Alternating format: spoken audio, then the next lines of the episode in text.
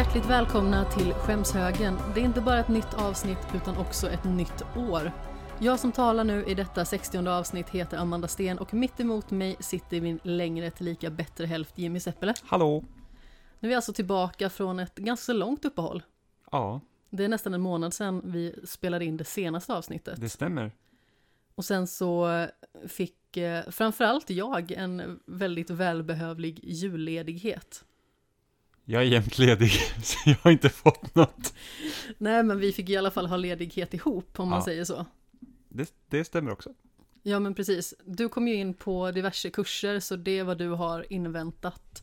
Och har även förhoppningar om att eh, kanske få till något jobb här nere. Ja, bästa scenariot. Det är vad du helst vill helt enkelt. Ja, nu har jag pluggat tillräckligt. Ja, och jag ska ju faktiskt precis börja plugga egentligen. Så jag kommer ju att jobba minst halvtid och studera halvtid. Förmodligen så kommer jag ju jobba nästan heltid och studera halvtid. Om jag ska vara helt ärlig. Men eh, det är en annan podd. Däremot så har vi hållit eh, spelsnack igång under den här tiden. Så man har ju kunnat höra både årets spel och även eh, musikextravaganza Precis. från spelsnack. Så det kan man också lyssna på ifall man vill ha mer av den typen av eh, podcastupplevelse. Men eh, som sagt, vi lämnar ju ett ganska märkligt år bakom oss. Ett märkligt år som har inneburit att eh, man nästan inte har träffat någon annan än de man bor med. Ja, men precis. Alltså, inte för att jag brukar träffa så mycket folk innan heller. Alltså jag är inte en person som umgås så jättemycket heller, men sen så jobbar jag ju på gym framför allt. Där man är van vid att träffa lite mer människor och det är ju en hel del folk som har droppat av, hittat på andra saker, kanske inte vågat gå till gymmet och så vidare. Och sen så i och med att jag har eh, en kontorsplats inne i Göteborg också, så har ju min kontakt med eh, mina kollegor inne i Göteborg blivit eh, ganska så mycket mindre. I och med att jag bara är inne där en dag i veckan. Sedan eh, i alla fall i våras. Mm. Men det har ju inte bara varit anus och ond bråd död eller vad man ska säga. För du har ju flyttat ner hit också. Ja, det stämmer. Så det var ju en väldigt fin del av det här året. Mm. Hoppas jag att du instämmer på i alla fall. Det skulle bli så himla dålig stämning här hemma efter den här podden om du tycker att det känns dåligt. Ja. Ja men det är fint här nere med den här rumskamraten alltså. Den är hopplös. ja. Men eh, som sagt, vi har ju ett eh, Shame of the Year avsnitt här framför oss i förmodligen några timmar. Det är ju någonting som vi gjorde exakt likadant förra året. Året dessförinnan så satt jag med Mats Nylund och hade nog inte lika strukturerat som vi har haft både förra året och eh, kommer ha det här året. Men det vi kommer gå igenom i alla fall det är ju de här tre huvudkategorierna som vi brukar prata om mest i skämshögen. I ordningen spel, film och tv-serier. Och i varje av de här kategorierna så har vi fem stycken placeringar. Och sen så har vi en skämstitel också. Vilket innebär att det kan vara en eh, titel som har legat i ens skämshög väldigt länge som man äntligen har tagit sig an. Det kan vara ett eh, spel som man bara har eh, provat lite grann tidigare eller det kanske är en film som eh, folk hela tiden tjatat på en att man borde se. Det kan liksom vara vad som helst som faller in under den kategorin. Sen så är det ju naturligtvis så att det är kanske lite lurigt att avgöra vad är ett skämspel eller en skämsfilm, skäms-tv-serie och så vidare. Men tanken där det är ju att det ska vara släppt från året innan året som vi pratar om. Alltså vi fokuserar ju på 2020 i huvudkategorierna om man säger så. Så det ska ju ha varit släppt 2019 eller tidigare. Så det kan egentligen vara släppt hur tidigt som helst. Om man så vill. Ja. Precis. Men jag tänker att vi faktiskt ska kasta oss in i första kategorin med en gång. Det är ingen mening att eh, sitta och eh, vänta något längre och vi ska prata om spel.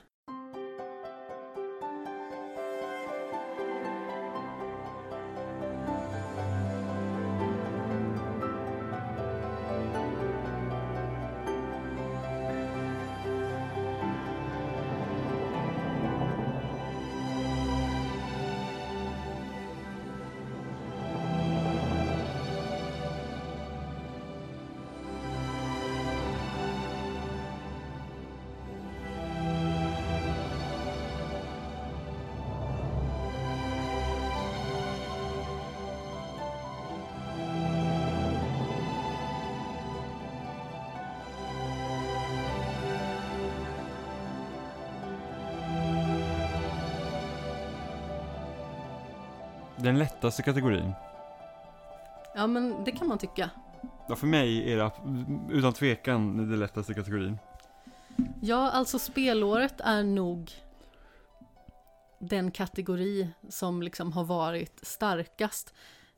Jag vet liksom att när jag komponerade den här fem positioners listan så fanns det fortfarande titlar som jag verkligen uppskattade som hamnade utanför. Känner du detsamma? Eh, inte jättemycket faktiskt den här gången. Jag har, så jag gillar väldigt många spel som har kommit i år, men samtidigt är det så att jag tror att det svåraste hade jag bara att veta vilket spel som skulle hamna typ på femte plats. Eh, ofta är det så att det är liksom topp tre är liksom solklar för mig och sen fyran, ja, och sen femman så här, där, där kunde det varit lite annat spel som helst. Fast om jag inte missminner mig så hade du också lite trubbel med att faktiskt bestämma vilken som skulle bli etta också. Ja, absolut. Så är det. Men det, det är liksom de tre spelen jag har i topp, de har liksom varit i topp hela året. Ja, okej. Alltså från att liksom ha spelat, det är liksom självklart att de ska vara topp tre. Sen, vad sen, sen är det ju inbördesordning mellan dem som kanske har svängt om lite. Eh, och, och man har liksom debatterat om vilket som ska vara var. Men annars så liksom att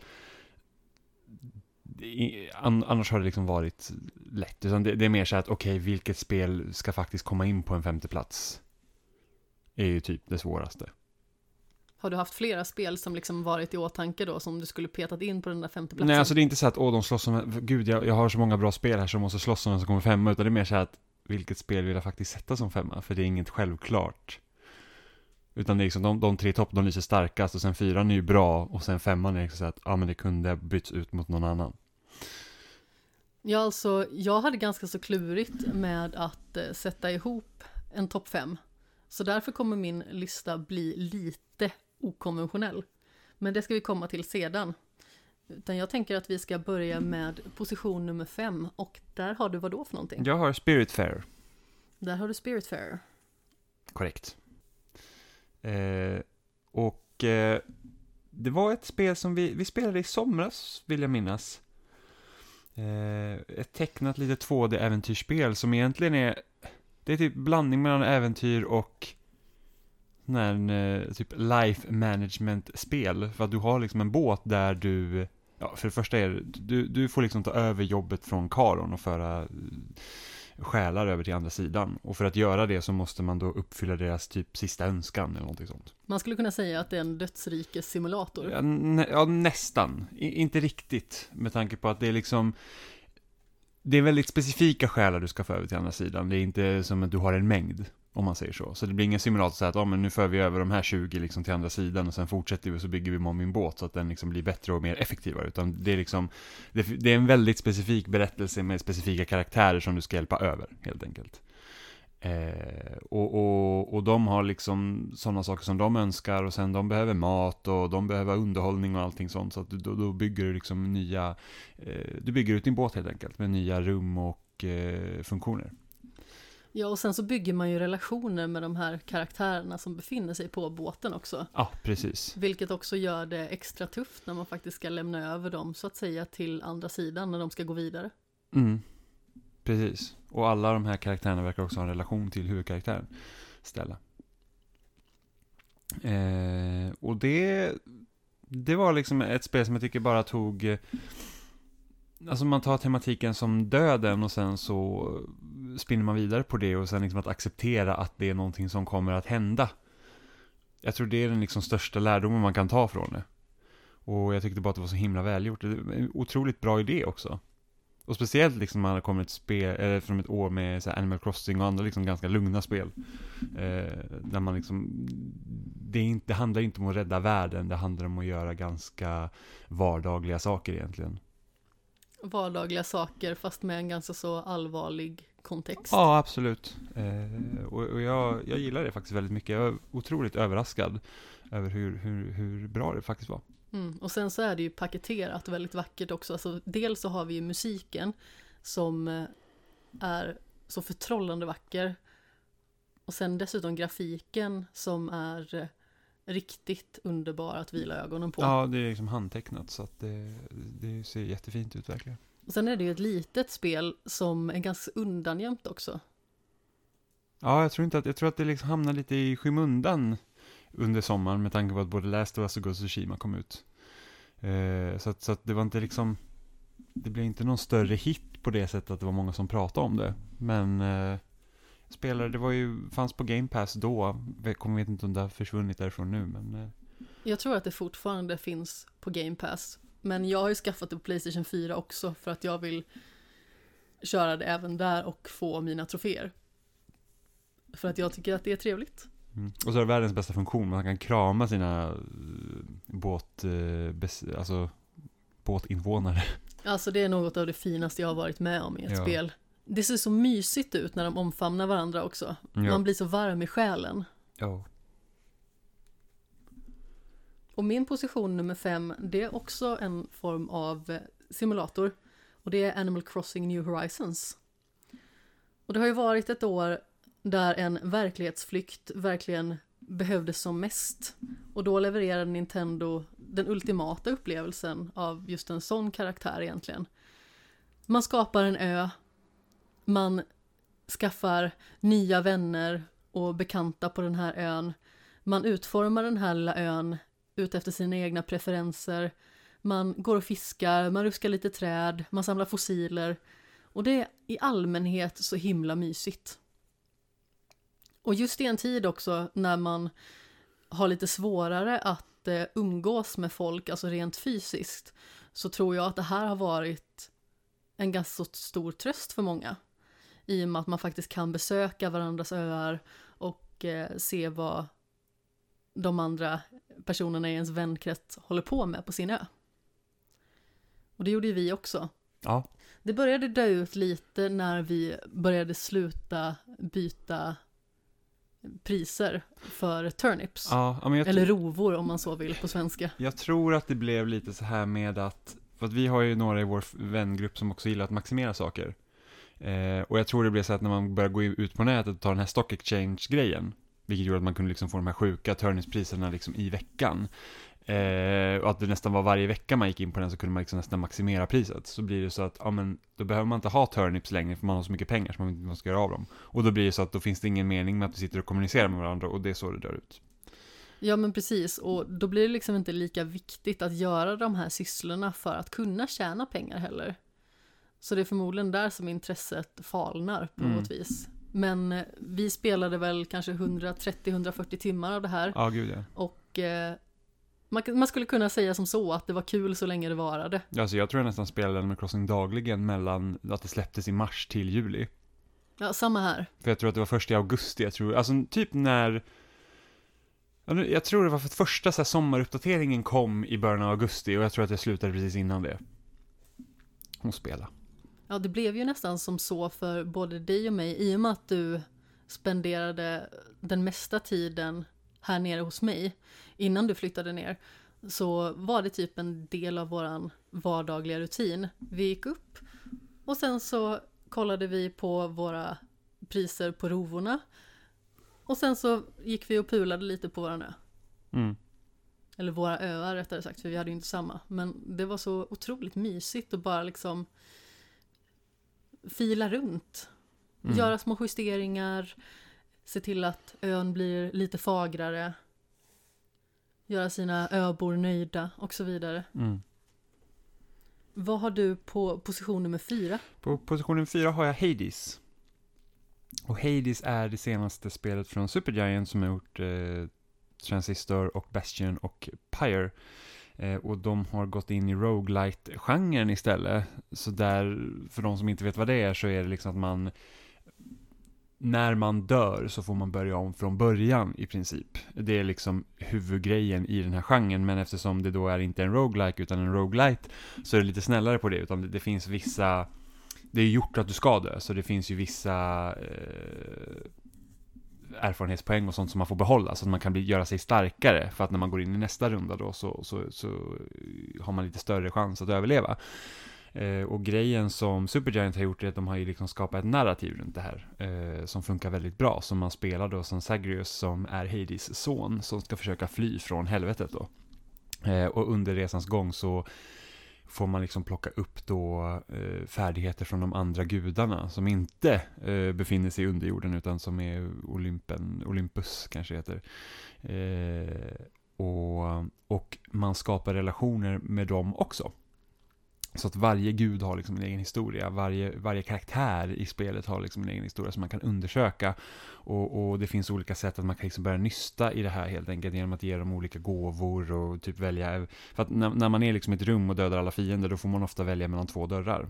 Och ovanför de här dörrarna finns en symbol och ofta är symbolen då en, en, en symbol för en av gudarna. Så att man kan liksom redan där välja liksom att okej, okay, men jag vill veta mer om Athena så då kan jag ta den vägen istället. Och sen har ju varje gud har också en egen, egna förmågor som man liksom anammar. Så det gäller så att du kanske tycker att Athenas förmågor är bättre och därför väljer du den dörren och så för att komma vidare. Och det jag tycker att de har liksom gjort så bra i spelet är ju det att just med att man väver storyn i det hela liksom. Och sen så just det att varje omgång kan bli så unik just för att du får ju inte alltid samma förmågor när du springer igenom. Det är alltid nytt, men det känns aldrig liksom som att det är kört. Jag kan ha haft liksom runder där jag känner att jag har fått en lite dålig runda här, men då får man bara anpassa sitt eget sätt att spela så att man liksom utnyttjar eh, sina förmågor till fullo helt enkelt.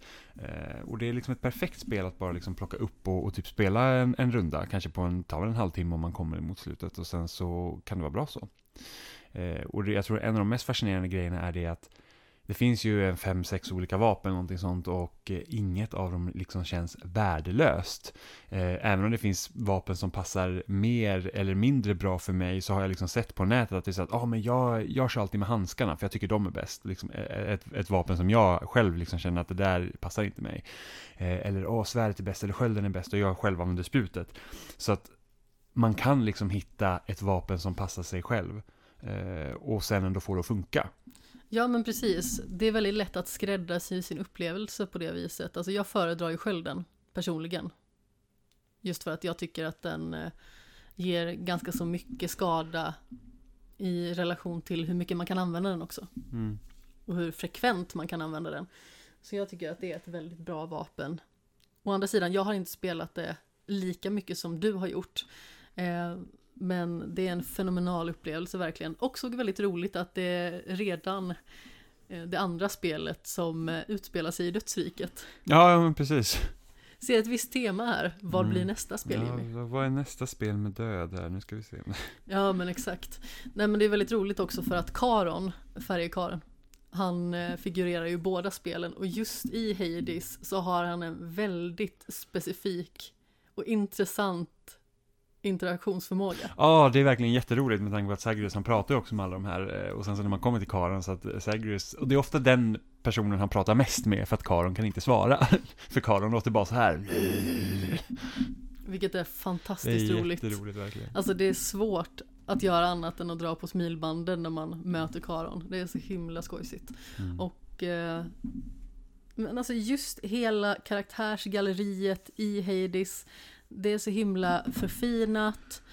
Och sen så har vi ju liksom Supergiant Games kvaliteter som man har stött på tidigare i de andra tre spelen som du nämnde tidigare. Alltså vi har musiken och vi har grafiken som verkligen är på topp.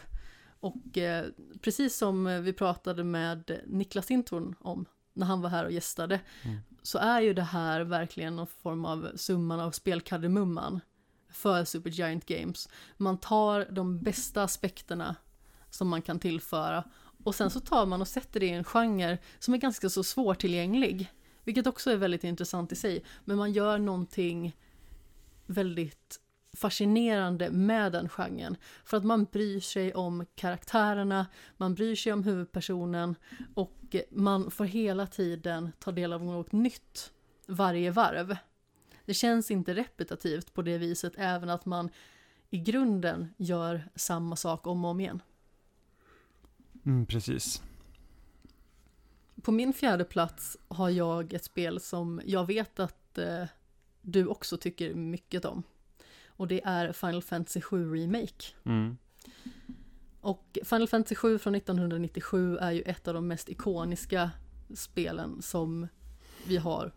Och eh, jag skulle nog säga att det är ett av eh, Square Enix största.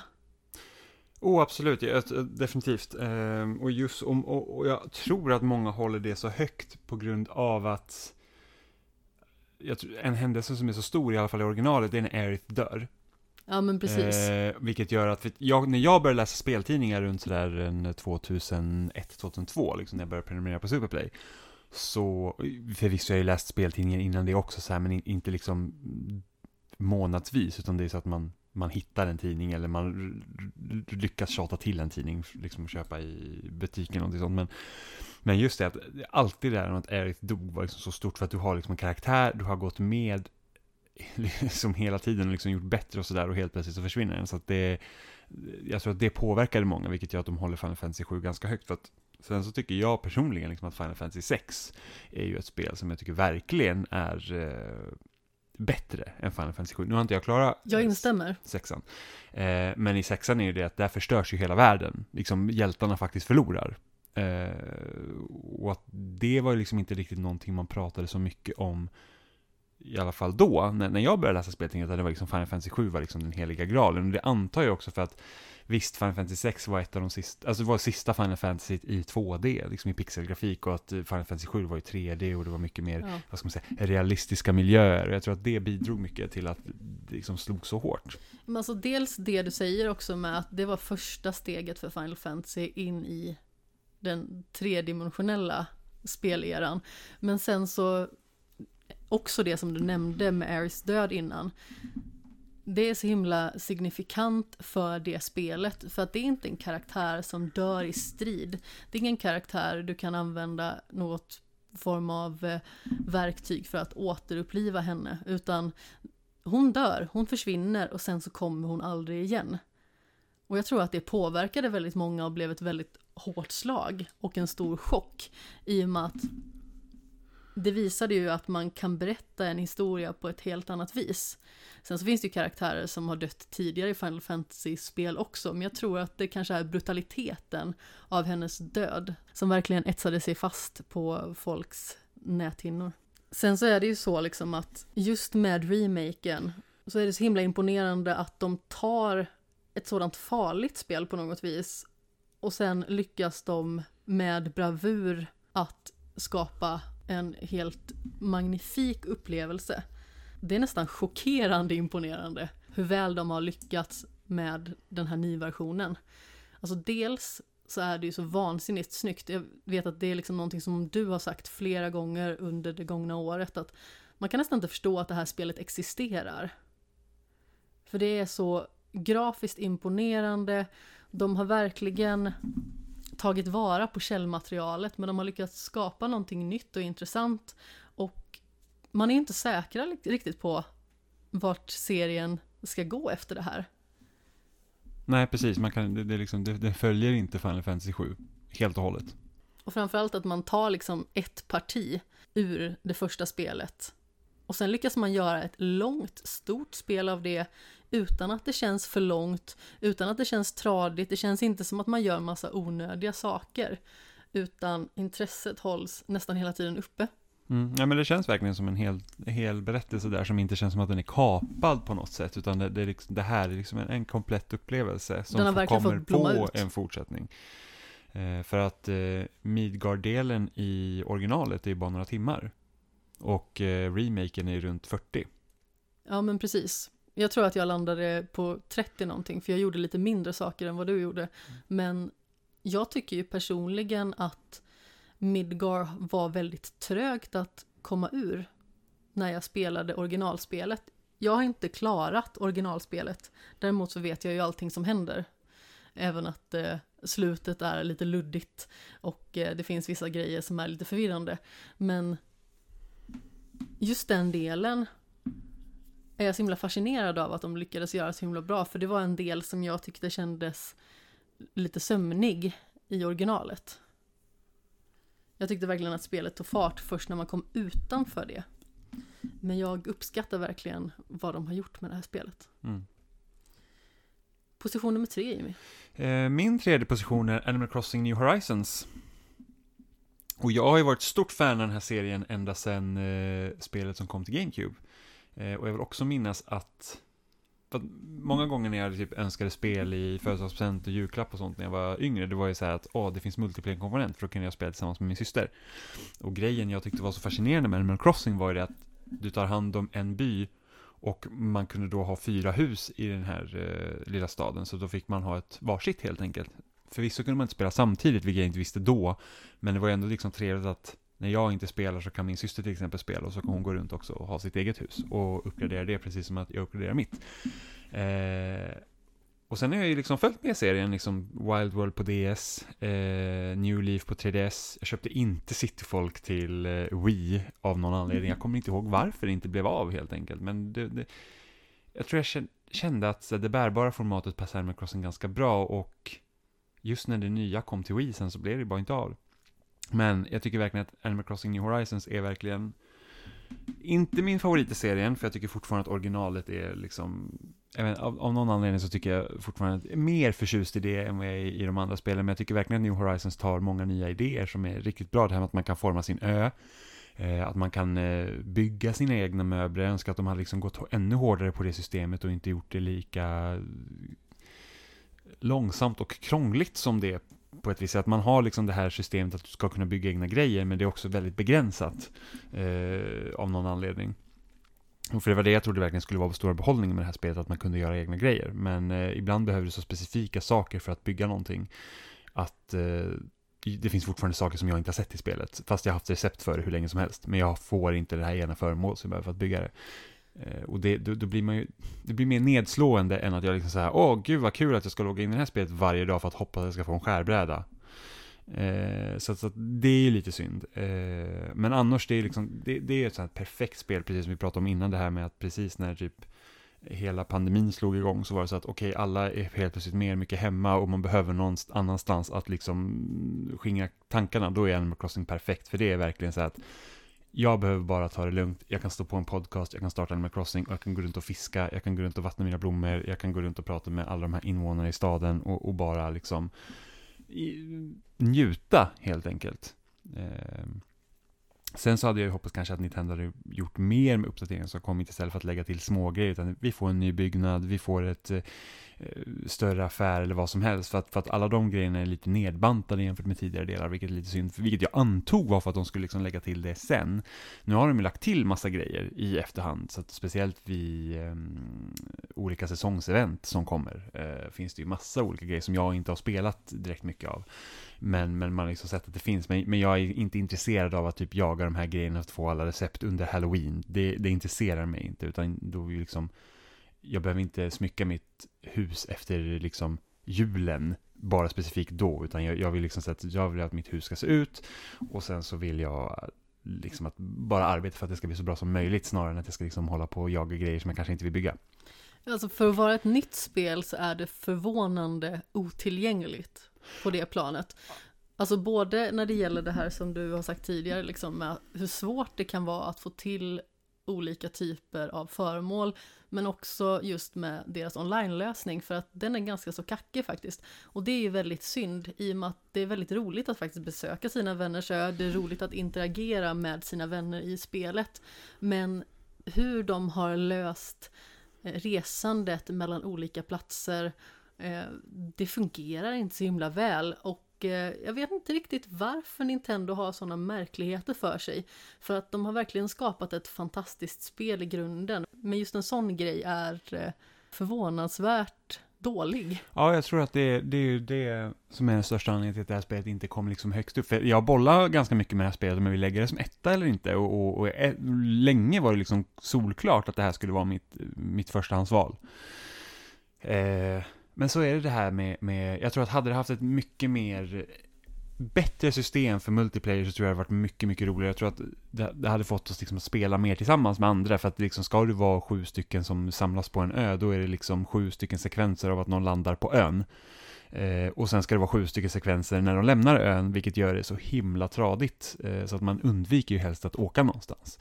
Och jag vet inte varför de har gjort det så krångligt. Och sen hade jag gärna sett liksom att, att man hade kunnat kanske skapa egna event i, i eh, online och sånt. Nu vet jag, det finns ju fisketurneringar och, och fånga krypturneringar och lite sådana grejer. Som Fisketurneringarna var väldigt roliga. Jo, men de är också väldigt specifika, liksom det är så en gång i månaden eller en gång per säsong eller vad det nu är. Eh, och, eh, men liksom att visst, vi kan ju också tävla individuellt om vi vill och säga att oh, vi sätter på en klocka och fångar så här många fiskar under den här tiden eller vad som helst. Men det hade varit roligare om det hade faktiskt funnits fler möjligheter till att göra saker tillsammans. Eh, som också är som Nintendo kurerar snarare än att man liksom måste göra allting från, från grunden. Men, men en av mina favoritgrejer med Crossing är att skicka post till varandra. Det tycker jag är superkul. Att man liksom kan, på det sättet kan man ju nästan skicka som sms till varandra om man så vill, även om det inte är lika snabbt, för det kräver att man är inne. Men en sak som Nintendo faktiskt lagt till i efterhand är att man faktiskt kan besöka eh, andras öar utan att man faktiskt är inloggad tillsammans. Så att man kan liksom skicka en drömversion av sin ö som man kan besöka om man har rätt kod. Så det är ganska häftigt. Men eh, Animal Crossing är sånt, det är verkligen en serie som jag verkligen älskar. Den är så himla bra och mysig och det, är liksom, det liknar inte någonting annat eh, som egentligen finns. Det är, det är, ingen annan som gör den här typen av spel. Eh, det närmsta jag liksom kommer, som jag kan liksom tänka på, alltså, det är som en blandning av typ The Sims, Minecraft eh, och typ Harvest Moon. Nästan. Eh, men liksom det är någonting med att det, det finns, det finns ett så alltså, värme i hela spelet. Och det är någonting som de liksom har arbetat fram för att alla invånare i staden eller din, på din ö som bor där, de, de är ju rätt så trevliga och ganska mysiga, även om det finns folk som man kanske inte tycker lika mycket om som andra, men i originalet, alltså det till GameCube, det var ju Alltså där fanns det ju, där fanns det ju liksom folk som var riktiga rövhål, otrevliga. Och det tycker inte jag existerar längre riktigt. Så det, det känns bara som en väldigt bra, hjärtvärmande upplevelse helt enkelt. Ja, och jag hade faktiskt inte förväntat mig att jag skulle spela det här spelet överhuvudtaget. När det här året började så tänkte jag liksom inte överhuvudtaget på att jag skulle spela Animal Crossing New Horizons. Men jag är så himla glad att jag gjorde det. För att det var en väldigt säregen upplevelse. Och jag njöt verkligen av att befinna mig i den här världen. Och det är också, jag tror det enda Nintendo-spel i sig som jag har spelat i år. Alltså specifikt Nintendo. Mm. Och eh, i det här spelet känns det som att bortsett från de här små malörerna med eh, online-lösning och dylikt så gör Nintendo det Nintendo gör bäst. En mysig, gemytlig upplevelse för personer i typ alla åldrar egentligen. Ja, ja men verkligen. Det, det, enda liksom, det enda hindret spelet egentligen har är att det inte är lokaliserat överallt. Ja, men precis. Och eh, min position nummer tre, det är Spirit Fair. Jag känner att vi pratar exakt om samma titlar fast i omvänd ordning. Mm, tada. Ja, jag vet inte om det finns så mycket mer att säga om Spirit Fair. Det var verkligen ett spel som gick rakt in i själen från första stund jag vilade ögonen på det. Och jag tror nästan att jag kollat på dig mer när du har spelat mm. det än jag har spelat det själv. Men när slutskärmen rullade, alltså jag kände sån alltså, sorg, upprymdhet och värme på en och samma gång. Och det var liksom nästan ett tårdrypande avslut. Ja, men och speciellt med tanke på att temat verkligen är att acceptera döden så kändes det verkligen att när spelet var slut så har du faktiskt fått acceptera döden. Det var, fanns liksom inte mer att göra kvar helt enkelt. Det var bara så att så här är det. Så det var, det var ganska känslosamt faktiskt. Ja, verkligen. Och eh, alltså just musiken hjälper ju verkligen till. Jag vet att jag har tjatat om musiken i Spirit Fair. Både liksom i loadings listor, i tidigare poddavsnitt och eh, nu här idag. Men det är så mycket musik som är skapat till det här spelet. Och eh, det sätter verkligen stämningen på varenda miljö. Så på pricken på något vis. Mm. Position nummer två Jimmy. Där har jag Final Fantasy 7 Remake. och det här är också ett sånt spel som har bollat, det var, alltså det var typ Animal Crossing och det här som slog som första platsen ganska länge och sen så har jag sagt, aha okej, okay. sen när jag hade ganska klart för mig vilken position ett skulle vara, så bara okej, okay, vilket är två eller trea. Men alltså Final Fantasy 7 Remake, precis som vi sa innan, det är så att jag, jag hade svårt att tro liksom att det här spelet existerar, för det är liksom, det tar det som jag gillar från den klassiska skolans IRPG, som jag tycker saknas många gånger i de moderna. Eh, men det, och så tar man det och så tar man det liksom och gör det i ett nytt, eh, ett modernt format. Eh, och det är väl egentligen ganska det är väl en eloge till de som gjorde Final Fantasy 7 från första början, för att den historien passar ändå så himla bra idag fortfarande. Det handlar ju väldigt mycket om att du har så här stora företag som typ suger ur eh, planetens resurser för egen vinnings skull. Eh, något som liksom kan platsa in även i dagens klimat. Eh, och sen är det de här karaktärerna som liksom ligger i fokus. Eh, speciellt när de liksom lyckas utöka vissa karaktärers eh, eh, berättelser och man får liksom se andra delar som inte fanns i originalet med tanke på att det här spelet är så himla mycket längre och att man får liksom Midgard känns mer som en, liksom en, en plats som de här karaktärerna faktiskt har bott på än i originalet med tanke på att man lämnar det så pass fort. Ja, och sen naturligtvis alla tekniska begränsningar som var 1997. Liksom det är 23 år gammalt. Ja, absolut. Snart 24. Absolut, och sen så hur man har liksom tagit hela stridssystemet. Det känns väldigt mycket som en modern version av originalets eh, stridssystem och musiken som nu är helt orkestrerad och man liksom lyckats göra ny musik till det som passar in väldigt bra. Så att det känns som spelet man spelade 97, även om det inte är det, om man säger så. Nu spelar inte jag originalet 97 heller, men liksom andemeningen är så att det, det när jag spelar originalet, spelade 2019, och det är liksom, man tänker inte på att det är så gammalt förutom att det ser gammalt ut, utan det, det, det känns ju fortfarande bra att spela och så, och sen hur, hur kreativa de har varit med vissa grejer, för att något som är ganska slående för äldre spel är att det är ofta de är ganska varierande. Det finns väldigt många olika saker att göra, liksom som, som så här, åh, här har du en sekvens där du åker snowboard, den finns bara på det här stället. Liksom, det, det känns inte som att, det är inte som att du spelar Ghost of Tsushima och sen mitt i spelet så kommer helt plötsligt en sekvens som du, liksom, det här gör du bara den här specifika delen i spelet, utan man, man ofta bygger man ju liksom så att det här är vårt spel och sen så bygger vi hela spelet runt kring de här systemen så att man får göra det många gånger.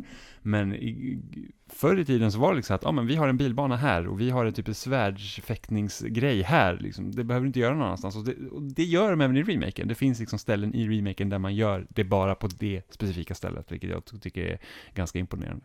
Ja, alltså det finns ju ett gym som man besöker en eller två gånger och Alltså det är något av det roligaste jag upplevt i år. Det var alltså dels en knäböjstävling. Men sen så var det också en kindtävling.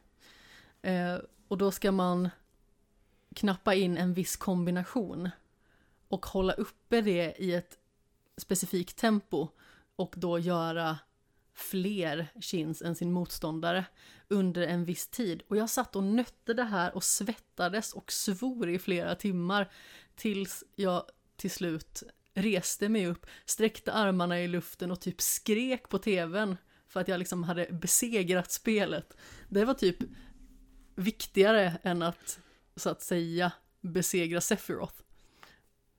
Ja, jag gav upp när jag satt och körde. Det var lite tråkigt för det är, här, det är två troféer som jag inte fått på grund av det. Det är först att klara den där jävla tävlingen och sen klara alla sidequests. Och det är den sista jag har kvar. Alltså, jag är inte vidare bra på videospel på något vis. Men ibland så kan jag vara envis som en gnu och det här var ett sånt fall. Och eh, jag bär den trofén med stolthet kan jag säga.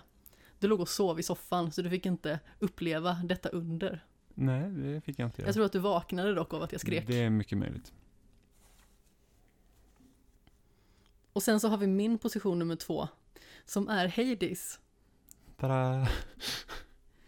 Alltså grejen med våra listor här, det är naturligtvis att vi har ju upplevt väldigt mycket spel samtidigt, men vi har också spelat ganska så mycket samma spel i och med att vi pratar och andas och lever spel väldigt mycket.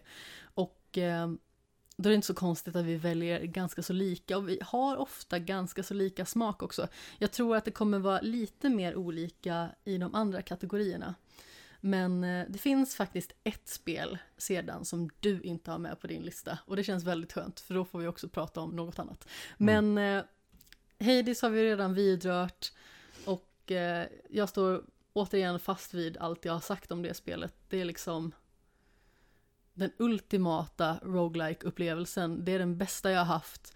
Och eh, jag verkligen älskar det spelet, varenda beståndsdel och eh, hur väl den här skaparen har fått det att fungera. Du började spela det och eh, jag blev väldigt inspirerad.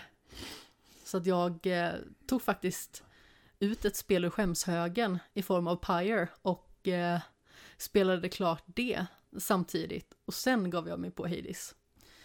Bara för att jag tyckte att det såg så himla spännande ut och jag kände liksom att eh, jag ville få klart eh, alla spel då i eh, Supergiant Games bibliotek. Jag är inte helt klar med Transistor, jag tappade det någonstans, men jag har i alla fall spelat det ganska så mycket så jag vet ju vad det handlar om och eh, hur det ser ut, helt sonika. Men eh, Hades är det bästa, utan tvekan, tycker jag. Och då kommer vi till den beryktade toppen. Ja, min, eh, min första plats eh, innehas av eh, Fall Guys, Ultimate Knockout. Eh, och det här var ju ett sånt spel som jag inte alls hade väntat mig att jag liksom skulle tycka om på det här sättet. Det här är också ett spel som, likt Rocket League när det kom, var att man spelade en helg och sen var så att nu har jag nog sett vad det här har erbjudit, så att jag, jag vet inte om jag kommer fortsätta. Och sen så är det någonting som gör att man håller kvar i alla fall. Eh, och för de som inte vet så Fall Guys är, är ett multiplayer-spel, typ Battle Royale, där man slåss om då att komma till första plats med vilket annat helst. Man gör det via en serie hinderbanor. Så det gör ju att bara för att du inte vinner en hinderbana så görs det inte att du åker ut, utan det är så att det kommer x antal människor vidare på första banan, så kommer x antal människor vidare på andra banan tills man har kanske tio kvar i sista rundan och där gäller att man ska vara på topp då.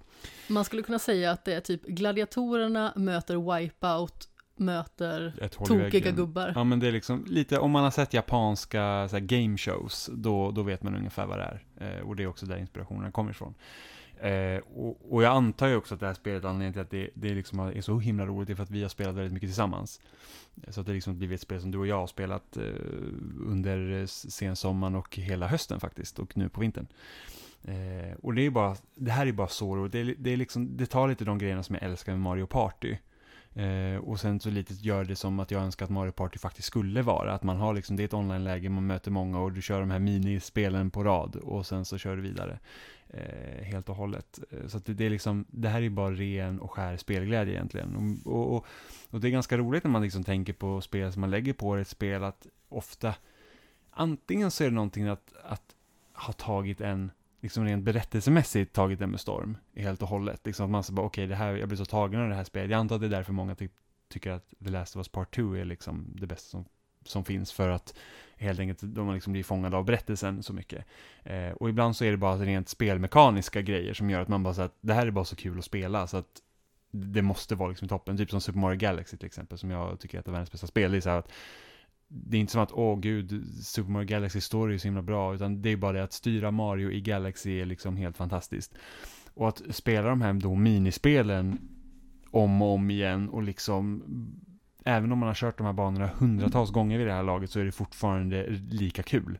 Visst finns det banor man inte tycker lika mycket om, men det blir ändå så att man, man, man liksom springer, man hoppas man kommer vidare, det kanske händer någonting Eh, som, som häromdagen vi körde en bana som heter DoorDash där man, där man ska hoppa då genom dörrar och de här dörrarna kan då vara låsta eller inte. Eh, vilket gör att ja, det gäller att helt enkelt att försöka välja rätt dörr och sen komma i mål helt enkelt innan alla andra. Och jag såg liksom en person som hoppade typ, inte bara över dörren utan hoppade över här, det finns pelare i, mellan varje dörr också. Han hoppade över en sån dörr och jag har aldrig sett någon göra det. Och jag har säkert spelat spelet i 150 timmar eller vad det nu är liksom. Ja, vi har spelat det otroligt mycket. Alltså man skulle kunna säga att vi bokstavligen är på nivå 120 i stort sett. Vi har nått maxlevel alla tre säsongerna, för vi har spelat så himla mycket. Ja, och det är ju ofta så att när det kommer till battle pass och sånt i spel, så jag brukar inte orka hålla på med Battle Pass-spel, för ett, det tar jättemycket tid. Jag tycker inte om när spelen måste tvinga mig att spela dem. Eh, jag vill inte känna att jag måste liksom hinna låsa upp någonting innan det försvinner, eller att jag, eller att jag Ja, men eh, att spela ska inte kännas som ett arbete på det sättet. Eh, och Fall Guys, visst, det skulle man också kunna säga att ja, men det är Battle Pass och det kommer vara grejer som försvinner när man väl har, eh, när säsongen är slut. Men det är bara att det krävs faktiskt inte så mycket att komma till maxlevel på en säsong. Alltså vi har, det är 40 dagar kvar på den här säsongen och vi har redan kommit upp till maxlevel. Eh, visst, eh, vissa dagar har vi spelat ganska intensivt, men det känns liksom heller inte som ett arbete, som att jag måste spela det här just nu. Eh, men det är alltid kul att gå upp i level och kunna få lite grejer när man spelar. Men, men det, det, är liksom bara så himla roligt och varje säsong har haft flera nya banor som man liksom bara såhär, åh gud vad spännande det blir. Och, då, då liksom, och hela teamet har en sån stor kreativitet när de skapar de här nya banorna. Eh, så att det gör det extra roligt. Ja, definitivt. Och har man lyssnat på Spelsnacks, årets spelpodd, så vet man ju att jag har gjort en liten kupp. Precis som jag sa tidigare så har jag en liten okonventionell lista. Och det var helt enkelt för att jag kunde inte välja vilket av två spel som skulle bli årets bästa spel, utan jag satte två spel som årets bästa spel. Det ena är ju en flerspelare och det är också precis som du, Fall Guys Ultimate Knockout. Mm. Just för att precis alla de anledningarna som vi har rabblat upp just nu. Och vi har spelat det så himla mycket tillsammans och eh, precis som du trodde inte jag att det här var ett spel som jag verkligen skulle förälska mig i på det viset. Alltså, det har ett väldigt gulligt, roligt yttre, det är tossigt, det är liksom tokigheter som händer konstant. Man skrattar och man skriker och man jublar när man vinner. Och eh, alltså framförallt så har jag liksom aldrig sett mig som en tävlingsperson när det gäller spel. Alltså jag har ju tävlingserfarenhet i andra sammanhang, alltså både liksom hästhoppning men framförallt då elitbowling. Men just i spel så har jag aldrig varit intresserad av att eh, tävla på någon form av nivå, inte ens på en sån här låg nivå som att liksom bara logga in i ett spel och tävla på det här viset. Men det är så himla roligt och jag blir så investerad och jag tror att det här är nog det spel som har fått mig att jubla mest, skratta mest och också svära mest under hela året. Eller i alla fall sedan det släpptes då, helt sonika, vilket var i augusti. Men alltså det är bara så otroligt roligt. Precis som du sa tidigare så är det väldigt lätt att fästa sig vid upplevelser för att de kanske når ut till en emotionellt. Eller det kanske är någon form av abstrakt skönhet som är tilldragande. Men det här är bara roligt. Alltså hela den här spelupplevelsen genomsyras av spelglädje. Och jag är så glad att vi har spelat det här spelet tillsammans och att vi har spelat så mycket av det och att det liksom är någon form av här, tradition nu nästan, att vi ska sitta där när den nya säsongen släpps. Vi spelade kanske en gång om dagen, alltså nu har det kanske blivit lite mindre i och med att vi har nått maxlevel igen. Vilket det har blivit de andra gångerna också. Men så fort det är en ny säsong så sitter vi där och vi är helt fastklistrade. Och vi hejar på varandra och eh, vi eh, liksom gör tokroliga saker och eh, vi har bara så otroligt roligt tillsammans. Och plus att vi dessutom har kunnat eh, dela den här upplevelsen med andra kompisar. Så du och jag har ju liksom suttit på varsin tv bredvid varandra. Så vi har ju hela tiden kunnat observera väldigt noggrant vad den andra gör. Men sen så har vi också haft kompisar som till exempel Stefan. Ja. Som också tycker att det här är det bästa spelet i år, vad jag har förstått. Mm. Och vi liksom låter det här spelet komma på tal väldigt ofta på grund av så himla många olika anledningar, på grund av hur roligt vi har med det och eh, vad det liksom har tillfört till det här året.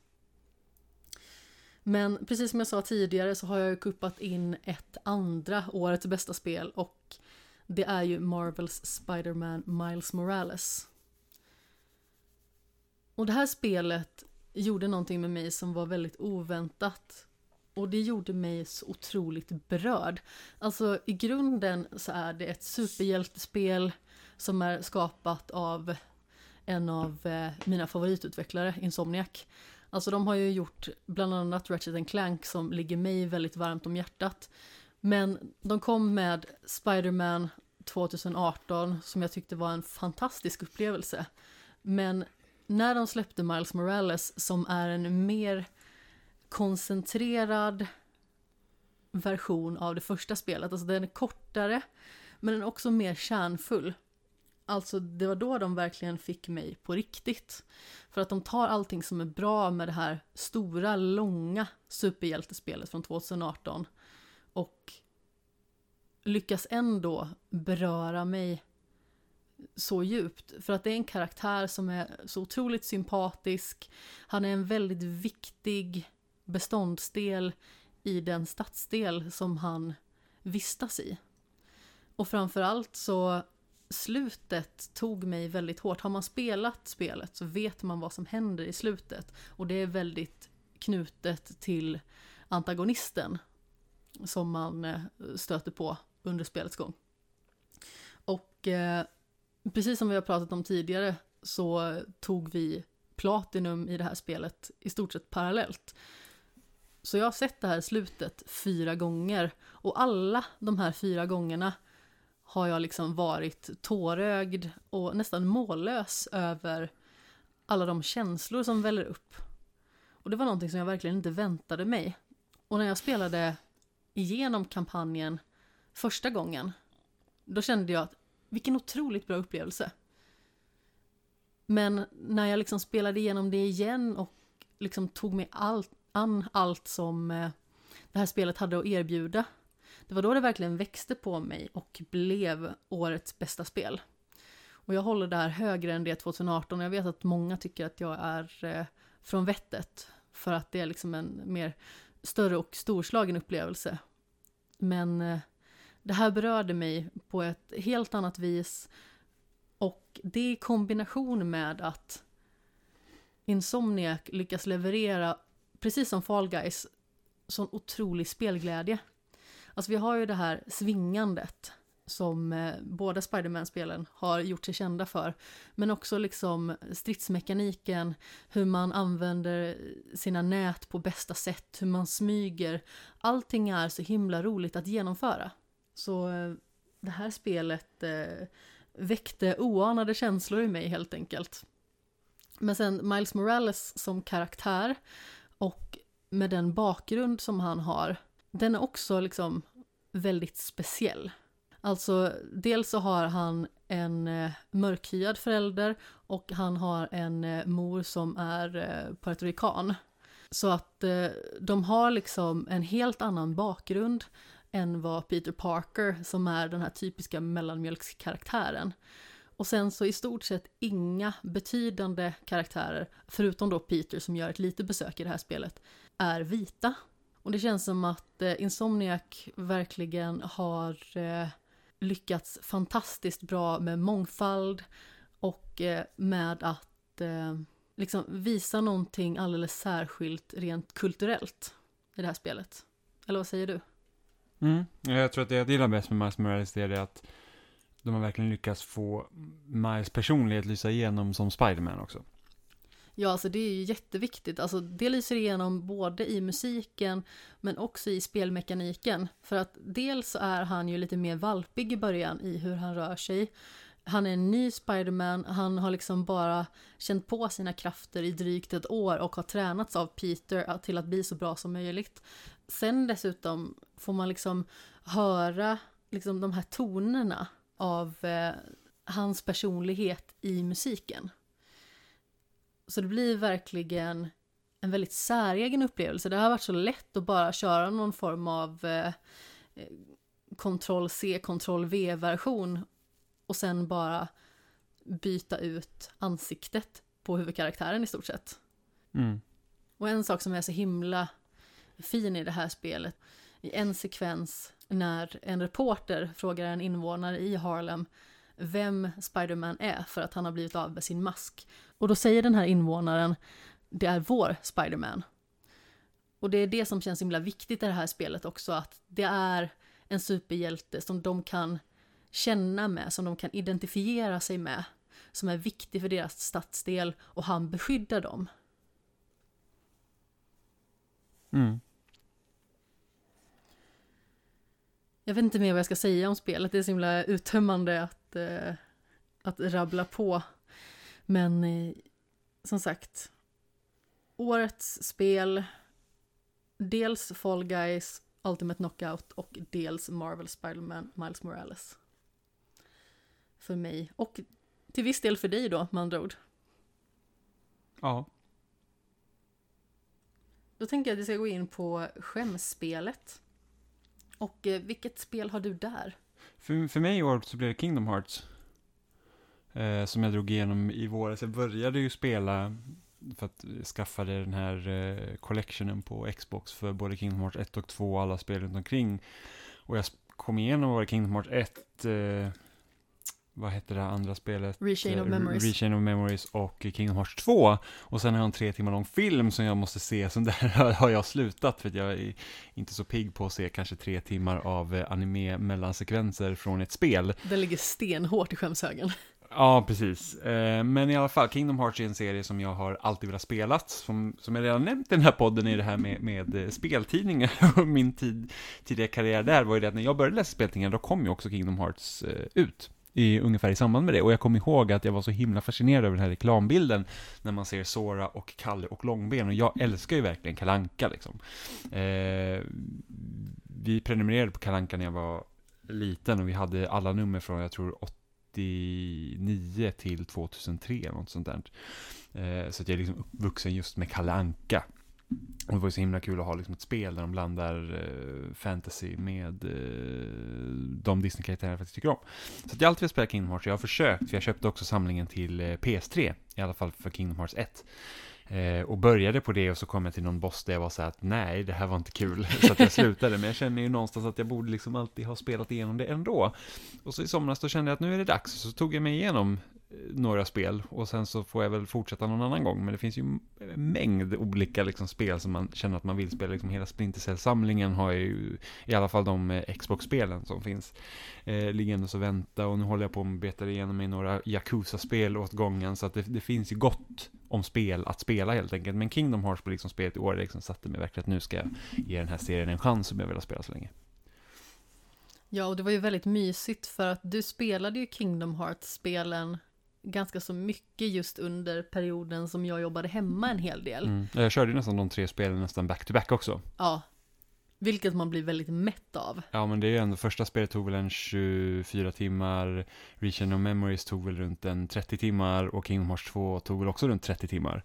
Eh, och du kanske spela de tre spelen kanske på en och en halv månad, så det blir ju väldigt mycket där ett tag. Ja, alltså jag spelade första Kingdom Hearts och Rechain of Memories på Playstation 3 efter varandra också. Och det var ganska så mäktigt tyckte jag. Alltså, då menar jag inte mäktigt som i storslaget utan liksom eh, Det stod mig ganska mycket upp i halsen till slut, även att det var roligt. Men eh, Ja, alltså det var väldigt mysigt för att eh, precis när jag hade slutat jobba så satte jag mig och kollade på när du spelade och så kanske jag tog en liten lur och så vaknade jag vid något ställe som jag kände igen och så blir man lite varm i hjärtat för att Kingdom Hearts är en sån här spelserie som man känner att den är lite konstig och den har vissa element som inte är så välfungerande men den har något. Mm. Och jag är lite inne på rollspelsgenren jag också i mitt skämspel. Och det finns några viktiga spel att nämna från föregående år, just från skämshögen. Bland annat spelade du och jag igenom hela Gears of War-serien till exempel. Vilket var en väldigt speciell upplevelse att dela med dig. I och med att du har nött den typ in i fördärvet. Och, Ja, jag, eh, jag har spelat så mycket Gears. den betyder väldigt mycket för dig, den Ja. serien. Ehm, och sen så det här lilla spelet Among Us som fick ett rejält uppsving tack vare liksom Twitch-partners och dylikt som eh, verkligen satte det på kartan. Och vi har spelat säkert över 30 timmar med våra kompisar och det är de få spel. veckorna liksom. Ja men precis, det är få spel som är så roligt att mula och dra sina vänner vid näsan som Ja. Among Us. Ja, men det känns ju också som ett, ett, ett, eh, ett väldigt bra brädspel i digitalt format. För spelar man typ Monopol digitalt så är det skittråkigt verkligen. Det, det är så segt. Eh, och Among Us tar liksom nästan den här diskussionsbiten som alltid hamnar, oavsett vilket brädspel det är. Liksom Mm. spelar man kort, eller spelar man monopol, finans, eller liksom, eller riktigt, alltså, inte dumt ordval, men liksom oavsett spelar du liksom ett, ett större typ rollspel via brädspel så blir den här diskussionen man för sinsemellan som blir liksom, det är det som gör ofta spelomgångarna så speciella. Eh, Och det har ju verkligen Among us. Det bygger ju helt och hållet på att man ska diskutera ut varandra. Liksom de grejerna man faktiskt gör inne i spelet, det, det är egentligen sekundärt. Utan Ja. det är diskussionerna och myglandet för att få ut varandra som är den stora grejen. Ja men precis och sen så är det ju dessutom en sån titel som en omgång går ganska så fort. Men de kan utspela sig på så himla olika vis. Och det är det som är så himla roligt i och med att alla olika personer har olika sätt att gå tillväga. Man lär sig hur personer agerar och eh, det kan ske så himla så här, tokroliga situationer. Men sen så klarar jag också naturligtvis eh, slut B till E i Nier Automata. Men det är inte något av de här spelen som blev mitt skämshögspel för i år. Utan det var Nino Kuni 2 Revenant Kingdom. Och det handlar inte bara om att jag verkligen älskar de här båda spelen, framförallt det första då som eh, verkligen gick rakt in i själen. Utan det var ju för att jag spelade Nino Kuni 2 i typ 60 timmar 2018 när det släpptes. Och eh, sedan så kom God of War. Som jag kände liksom, jag måste hoppa på det här tåget, jag måste göra det nu. Men problemet var ju där att jag liksom kom inte riktigt in i God of War. Och så skulle jag tillbaka till Nino Kuni och så kom jag liksom inte riktigt in i det heller för att jag fastnade på någonting. Så då lades det på is på obestämd tid, men i somras tog jag tag i det igen och eh, så spelade jag det här jättemysiga rollspel i typ ytterligare 80 timmar eller någonting. Jag kan inte förstå hur du orkar, ärligt talat. jag, jag, jag älskar första Ninokuni, jag tycker att det, det, det är ett jättebra spel och jag tycker inte alls om tvåan. Men det är bara för att det liksom, det jag älskade med första Ninokuni, det var liksom berättelsen om världen och jag tycker att det skalades ner så mycket i tvåan att det var så att jag kunde inte riktigt bry mig. Och så såg jag det jaga kistor i den öppna världen. Jag, jag, kan tänka mig att det är ungefär på samma sätt som när jag sprang runt i Assassin's Creed och jagade varenda markör på kartan. Ja men alltså, jag kände nästan där när jag spelade Nino Kuni att du måste ju tycka att jag är helt från vettet. Jag har gjort så många konstiga saker för att typ ta achievement i spel så att det är inte, alltså jag tror det värsta jag gjort det var i Gears of War 2, då skulle man döda 150 000 fiender för en achievement. Va? Eh, och det finns en bana, ja men i slutet av Gears of War 2 när man, man, man rider på den stora brumacken. Ja just det ja. Där går det absolut fortast att döda fiender, så jag körde om den i typ 8 timmar i sträck. För att få de här 150 000, och sen så buggade min profil. Så att jag behövde typ kopiera Robins profil till min profil så att jag kunde faktiskt spela spelet och då behövde jag typ döda 60 000 fiender till. Eh, så att jag gjorde, det, jag gjorde betydligt mer än 150 000 men eh, jag har också maxat det spelet. Och ändå med eh, mentaliteten i behåll, om man säger så. Ja, alltså jag vet inte vad jag gjorde samtidigt som jag faktiskt gjorde of War 2, för det var innan jag lyssnade på massa poddar, så att jag vet inte vad jag haft. Kan hända att jag suttit typ i party och pratat med Oliver eller med Robin och något sånt. Jag tror jag och Robin satt upp en natt tillsammans och typ nötte lite. Eh, han gjorde dock aldrig klart det. Ja men det är ju mysigt liksom för att ni har ju verkligen haft det där tillsammans. Ja, alltså det var ju så för att en achievement också att man ska komma upp till level 100 i Gears of War 2 och det levelsystemet la de till i efterhand. Så att det är liksom DLC-achievements. Och det var så absurt mycket XP man behövde för att komma upp till eh, maxlevel där, så att det, det är liksom så att det är typ ditt liv om du ska liksom komma upp till level 100. Eh, och lägg där till att jag hade mobilt bredband på det här eh, tillfället och jag kunde inte söka matcher i Gears of War 2 själv. För att jag hittade ingen.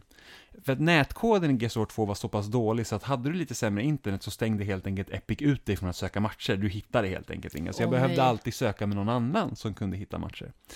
Eh, och ibland så var de så snäll, alltså för typ när du kom till typ level 86 eller någonting sånt, då hade du hälften av all XP för att komma till 100. Eh, så att, och, och, och rätt som det var så kunde de köra så här dubbel XP-event.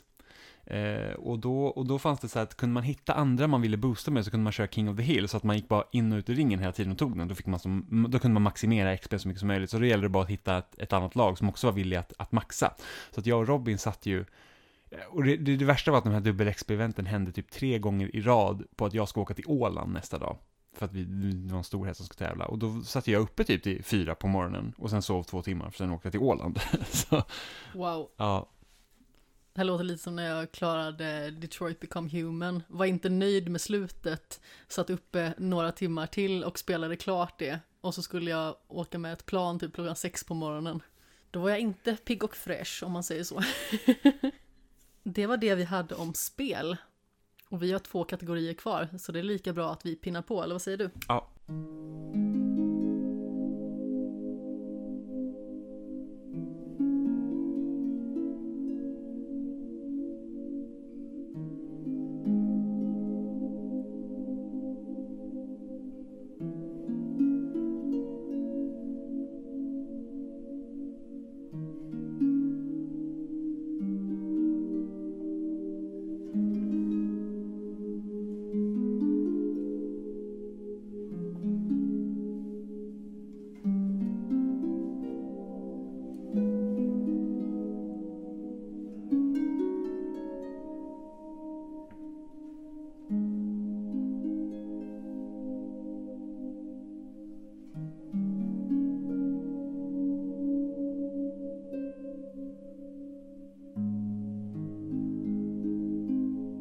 Vi nästa kategori som är film. Otroligt svår kategori i år. För att ett, det har liksom varit typ pandemi deluxe. Vilket har gjort att man inte har sett så mycket film i år. Och, och jag ser ju inte jättemycket film i vanliga fall heller, men ofta har man ju gått på några biofilmer helt enkelt. Så att, eh, och det har man inte kunnat göra i år, så att det har liksom varit väldigt svårt. Och jag har försökt liksom se några Netflix-filmer som man tänkte att det här kan vara bra, och sen har man sett dem och så bara, nej, så bra var de liksom inte. Eh, men jag har ändå, jag har ändå lyckats skramla ihop fem filmer. Ja, alltså jag håller med dig där. Det var ett ganska så svårt år, om man säger så. Vi inledde ju med att se väldigt mycket film på bio. Mm. Och eh, det handlade ju mest om att vi skulle göra ett avsnitt om Oscarsgalan. Mm. Så då var det ju en hel del filmer som vi faktiskt avverkade, som vi kan ha med på listan. Vi kan ha med dem. Eh, det är ju så att eh, våra regler, om man säger så, i den här podcasten, i det här avsnittet, eh, det är att just filmen i sig kan vara med om den har släppts i Sverige i år. För att vi tänker liksom att om den har släppts utomlands år 2019, men sedan släppts år 2020 i Sverige, då är den liksom tillgänglig för oss först då. Mm. Så just därför kan vi ha med de filmerna då. Så Parasite till exempel, som eh, med största sannolikhet hade blivit etta, eller ja, den hade blivit etta garanterat, både 2020 och 2019. Men den hamnar i någon form av vakuum däremellan i och med att vi såg den precis i början av 2020, men den släpptes i Sverige precis i slutet av 2019 och när vi hade fått nys om den så så blir det kört liksom på det Mm. viset. Så det är inte riktigt en skämshögsfilm heller på det viset, utan den hamnar verkligen mitt i kläm Mm. där. Ehm, Men jag vill gärna höra position nummer fem, Position nummer fe- fem för mig är Tenet. som vi såg för inte alls så länge sedan. Nej, den såg väl inte för länge sedan. Eh, och den, det är en lite knepig film, för jag skulle inte säga att det är, en- den är liksom inte jätte, jättebra på det sättet att, att som man tänker, det låter så dumt, det är en topp fem-lista, men, men alltså det är så här att, Jag förstår vad du menar. Jag tror att den hade gjort sig bättre på bio, om vi säger så. åh absolut, för att den, alltså den är den, den är väldigt imponerande tekniskt sett på många sätt, eh, precis som Christopher Nolan brukar göra. Han har ju, liksom, han har ju en viss eh, kreativitet som, som eh, man ofta inte brukar se i film, och speciellt att han är en väldigt fan av praktiska effekter snarare än CGI. Eh, så alla de här grejerna som de har liksom i filmen, det, det är inte som att se en Marvel-film när man liksom ser att hela slutsekvensen är typ massa gubbar som springer runt i gröna dräkter, egentligen. Ja, och det är liksom inte en explosionsfest i en myriad färger eller liknande, utan det är ju liksom imponerande på ett helt annat vis. Ja, eh, och, och, och mitt största egentligen problem med Tenet är ju det att, och som Christopher Nolan många gånger har visat, både med så här Inception och eh, Interstellar, alltså också filmer som har väldigt så här high concept om man säger så, är ju det att han är väldigt eh, kär i sin egen idé och låter den ta största platsen och så glömmer han bort karaktärerna i den. Och det känner jag väl att Tenet gör mest. Att, att man har den här grejen med att eh, har the protagonist som, som finns i, i filmen hoppar liksom genom olika tidslinjer och eh, fram och tillbaka och eh, hittar någon dittan liksom. Eh, och den idén är viktigare för filmen än faktiskt karaktären man är. För att i, till slut så handlar det egentligen om att rädda en specifik person som man egentligen inte förstår varför den här karaktären kn alltså knyter sådana band till. Ja, alltså man ska ju rädda den här personen, man ska också rädda världen och man bryr sig liksom inte riktigt om vad som händer egentligen. Så känner jag och Alltså dels så känner jag inte med eller bryr mig om huvudkaraktären. Jag bryr mig inte speciellt mycket om karaktärerna runt omkring. Så det var det största problemet jag hade med Tenet. Alltså den har vissa partier som är riktigt häftiga så att man nästan sitter där och får typ hala upp hakan tillbaka från knät. Men alltså på det hela taget så tycker jag att det var en ganska så svag Christopher Nolan-presentation så. Alltså, nu ska vi säga som så att hans lägsta nivå är ju fortfarande väldigt hög. För att han har ju väldigt imponerande idéer och det känns ju som att han gör saker som inte andra gör. Och han gör inte samma sak igen. Nej, precis. Han, han, det, det känns som att man har originella idéer. Ja, han, han är liksom väldigt eh, alltså, trogen sina egna ideal på något vis. Mm.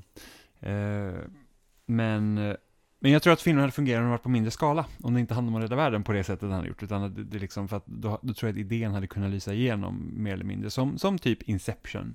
Det handlar inte om att rädda världen. Men, men eh, du, du, tappar liksom aldrig idén. Här tappar man idén ibland i Tenet för att det, det är väldigt mycket som pågår, speciellt sista sekvensen, eller liksom sista liksom slutstriden så att säga. Den, den, den är väldigt rörig och sen så idén i sig självt är så invecklad det här med att man går igenom olika tidslinjer och att det liksom går fram och baklänges och allt sånt att, att, att jag tror att... Inverterade händelser, Ja, men precis. Säga. Och jag, jag, tror nästan att hade man liksom synat den i sömmarna så kan man ju se vart den brister någonstans. Men liksom, ser man den en gång sådär så kan man köpa det ganska bra.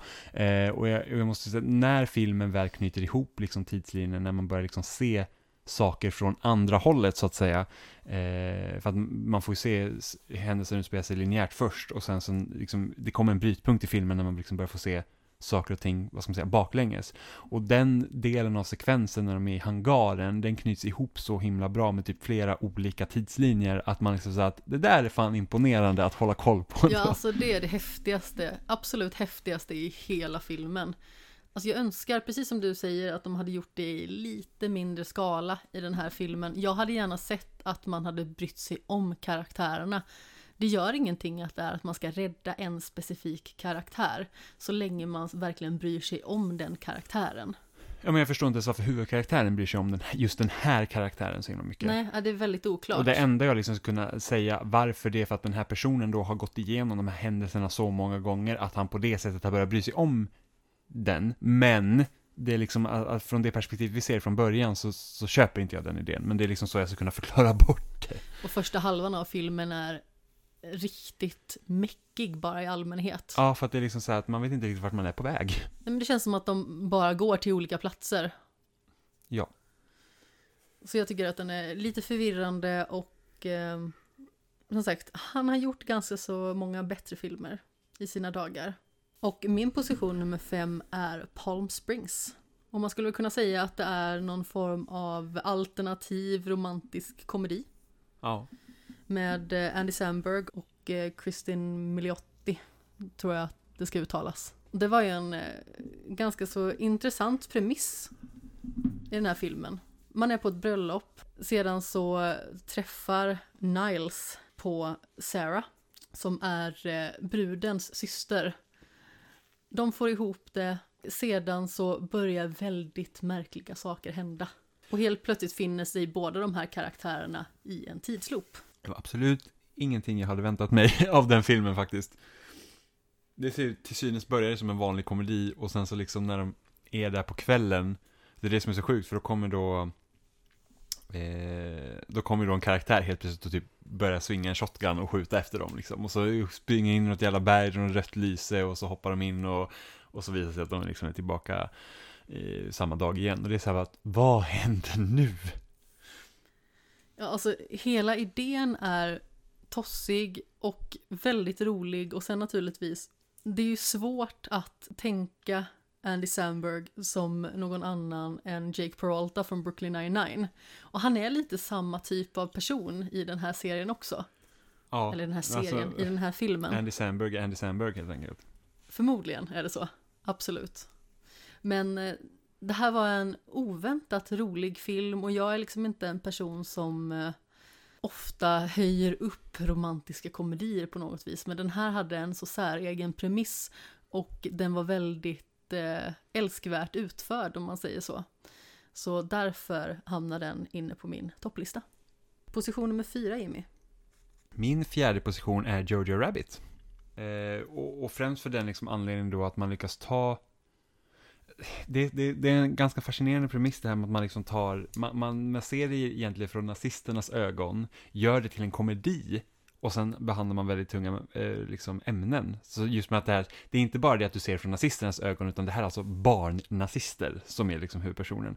Eh, så barn som egentligen inte riktigt förstår vad som händer, liksom att de vuxna pratar om att mörda judar och barnen säger bara, ja men det är klart att man mördar judar och kanske inte riktigt förstår vad det liksom innebär helt och hållet. Eh, för speciellt då han Jodios bästa kompis som liksom blir typ så här någon supernazist och får vara typ med i krig och allting. Han säger bara, Ja, alltså jag var typ, jag sprängde folk idag och de bara, ja men bra för dig typ. Och sen när han då får reda på att eh, Jojo har då en, en, gömmer en judinna helt enkelt och liksom, det, det är hans kompis. Då säger bara, ja men bra för dig. Då, då ser man liksom, barnen förstår ju liksom inte vad det här innebär egentligen.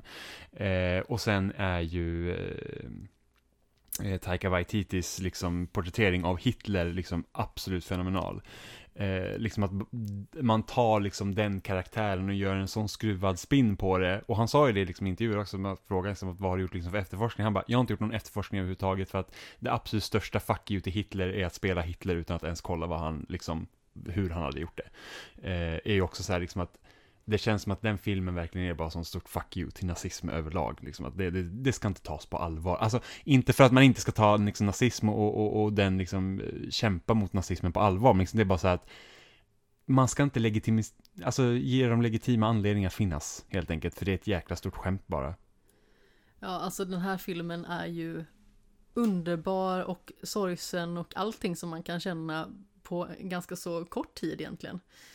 Men eh, precis som du nämner där också, Taika Waititis eh, rollprestation som eh, då Jojos låtsaskompis som är Hitler. Ja men precis. Alltså hela den idén är så fenomenalt rolig och alltså jag förstår liksom inte hur man kan lyckas med ett sånt otroligt utförande av alltså den typen av roll.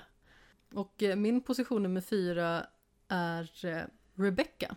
Och det här är ju en film som från början är skriven av Daphne du Maurier, tror jag att det ska uttalas, eller något sådant.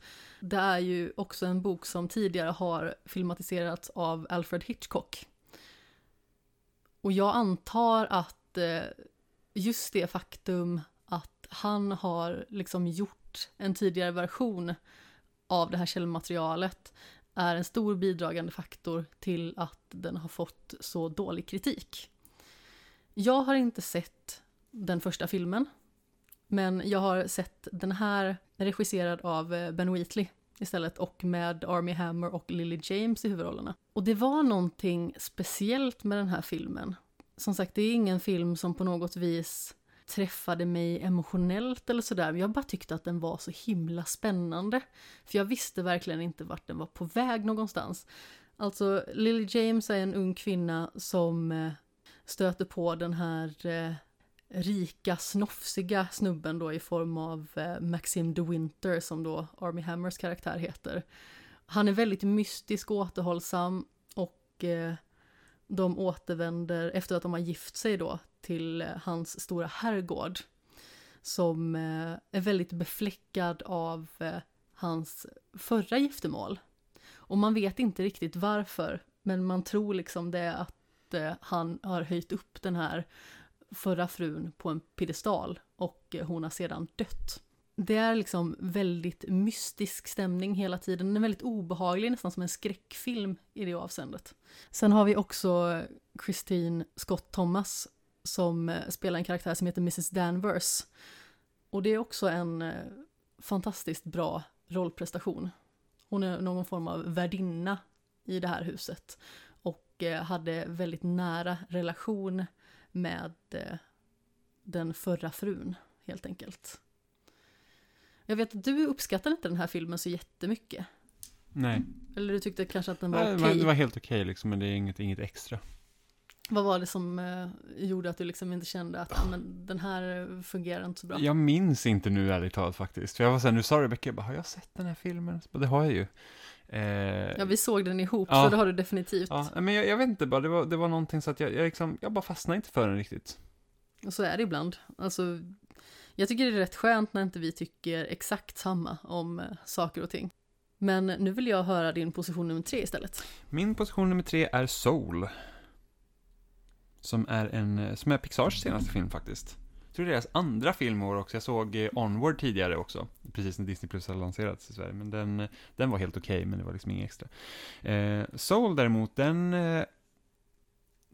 Jag skulle inte heller säga att det är liksom Pixars bästa film. Jag ser att det är många som har hyll, eh, alltså hyllat den här filmen till skyarna på sociala medier. Det håller jag inte riktigt med om. Jag tycker fortfarande att den är väldigt, väldigt bra.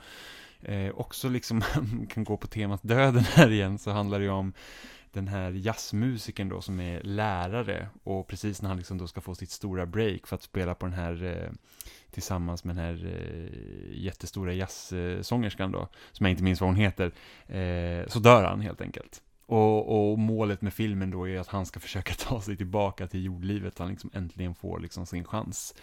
Eh, och det jag gillar egentligen med den här, den här serien, liksom att, att den tar liksom att var, var alla människor har liksom, eller de flesta människorna har förmodligen liksom en dröm som de liksom vill uppnå, liksom att det här är liksom deras stora grej, att det, finns olika anledningar till varför det inte inträffar. kanske man inte är på rätt ställe på rätt plats, man, man kanske inte vågar liksom ta steget fullt ut i att satsa, men man är fortfarande liksom bitter på att det händer inte en själv. Eh, och den handlar egentligen mer om att acceptera liksom att det man har, alltså det man redan har helt enkelt. Det är liksom, det, du kanske kan få allt du har önskat dig, men, men innerst inne så är det inte det som kommer göra att du mår bättre helt enkelt. Eh, och samtidigt så har han liksom en, en stor dos humor då. Det jag gillar liksom verkligen med den här filmen, det är det att när han då kommer då till han är då på väg egentligen till det, stora ljuset och går igenom där, men sen så finns det liksom ett, ett, ett ställe mellan, så att säga, livet och eh, inte livet, eller livet och döden, där, där liksom nya själar kommer till jorden och då, då är det så att de, då har han de här mentorerna då som har levt och då ska eh, då coacha de här nya själarna till att liksom acceptera att nu vill jag också leva och så skickar de iväg till jorden och så får man eh, bli en människa helt enkelt. Och då får han ju para sig ihop med den här tillsammans med en då, som får numret 22, som då antagligen är den 22 själen som någonsin har blivit till. Som har haft alla möjliga mentorer redan och alla liksom har misslyckats med att få den här själen att, att liksom på no, något sätt acceptera att bli en människa. Eh, Och 22 har en väldigt skeptisk inställning till jordelivet och eh, gör egentligen det mesta för att göra efterlivet surt för de här karaktärerna som försöker Ja. att vara mentor till och, och av någon henne. anledning så går något snett så att eh, då 22 får eh, jazzmusikens kropp. Joe. Och, och Joe, precis. Och eh, Joe får då, hamnar i en katt. Och det är så himla roligt, liksom den dynamiken som skapas med de här två karaktärerna. Eh, då med att då 22 får uppleva liksom världen egentligen som en nykomlings ögon, men fortfarande har då minnena kvar av alla liksom mentorslektioner som, som han har fått. Och Joe får då liksom se någon leva det livet han egentligen borde ha genom liksom en katta inte kunna göra så mycket. Eh, och jag gillar den dynamiken som, som utspelar sig där. Liksom. Man, han får helt enkelt ett nytt perspektiv på sig själv. Ja, alltså jag hade glömt lite grann av den här och borde kanske haft med den egentligen på min lista. Men det var en väldigt fin och rörande film som också, precis som du sa, är väldigt humoristisk. Så jag uppskattade den väldigt mycket. Jag såg den ju också som första film i år, så vi fuskade lite. Men eh, filmer som den har släpp- släppts Den släpptes 2020. den 25 jan- Ja. december, så att jag tänker ta den. Och jag hade egentligen velat se den tidigare. Ja men absolut. Eh, men... Eh, alltså vi såg den den första januari, så ja. det är inte precis som att det var något megafusk. Sen, sen, finns det ju lite kritik man kan ha mot filmen, som att återigen så har Disney liksom en, en svart protagonist som inte får liksom vara en svart protagonist, utan blir någonting annat, precis som det var i Prinsessan och Grodan. Eh, men jag har också sett ganska många intressanta perspektiv där också, att du har, in, du har en svart karaktär som inte får, som måste, som får se någon annan leva ens liv bättre helt enkelt. Så att det, är liksom, det finns väl lite knepiga eh, konnotationer där, men eh, på det stora hela var det en bra film. Ja, och sen så tycker jag ju att eh, slutet blev lite snuttifierat. Bara för att det ska inte vara så hemskt, eller vad man ska säga. Mm. Så det kan jag tycka var lite synd, för jag hade uppskattat slutet innan de typ två sista minuterna eller någonting sånt. Jo. Och eh, min position nummer tre, det är en film som vi redan har pratat om och det är Jojo Rabbit. Det finns så himla många bra rollprestationer i den här filmen och eh, alltså, jag, jag, tycker att eh, alla skådespelare gör så himla underhållande och eh, anmärkningsvärda roller. Och alltså i synnerhet med tanke på hur knasig den här filmen är i sin premiss så tycker jag att eh, man har lyckats att eh, sätta in väldigt bra skådespelare från alla håll och kanter egentligen. Alltså vi har ju dels Scarlett Johansson som då spelar Jojos mamma. Men eh, vi har ju också Steven Merchant som eh, spelar en kapten och eh, är alldeles tokrolig i den rollen. Alltså det är ju väldigt roligt när eh, det kommer massa nazister till Jojos hus och man ska säga Heil Hitler till varenda en som liksom kliver innanför tröskeln. Och alla ska säga det till varandra. Alltså, det är sån märklig komik. Men alltså det är svårt att inte liksom skratta som man kiknar i stort sett. Samtidigt med alla de här knasigheterna så finns det ju liksom ett mörker och eh, liksom ett, ett sorgearbete och eh, viktiga ämnen att behandla. Och det är det som jag verkligen uppskattade med den här filmen. Position nummer två, Jimmy. Där har jag Palm Springs. Du hade den så högt upp alltså? Ja, men jag tyckte om den här filmen jättemycket, just på grund av att man tror att det ska vara typ en romantisk komedi och sen så blir den helt galen efter det. Eh, just med den här tidsloop-grejen, alltså det var verkligen så att jag vet inte riktigt vad som händer i den här filmen just nu, för att det kom verkligen som en käftsmäll när det hände. Eh, och och liksom just det här med att det handlar också, det handlar liksom också lite om att man ska lära sig uppskatta livet igen, så att säga. Han, Andy Sambergs karaktär har ju liksom varit i den här tidsloopen hur länge som helst redan. Han vet liksom inte själv hur länge han har varit här. Eh, och han liksom har liksom gett upp helt enkelt. Han liksom lever samma sak om och om igen och bara så att det finns ingen väg ut ur det här medan den eh, den eh, kvinnliga hjälten i serien, eller filmen, är eh, liksom, hon går igenom exakt samma saker som honom och kanske till och med nästan lyckas liksom med att hitta en väg, liksom fortfarande försöker att komma ut med det. Och, och, och då liksom, hittar han också ett sätt att uppskatta vardagen mer eller mindre igen. Eh, och man kanske ska vara nöjd för det man har. Ja, och det är ju väldigt roligt för hon använder ju den här tidsloopen till att verkligen optimera sin kunskap om ett väldigt smalt ämne.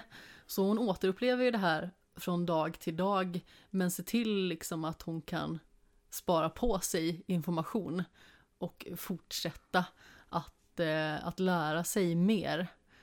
Och eh, liksom till slut försöka hitta en väg ut ur den här tidsloopen.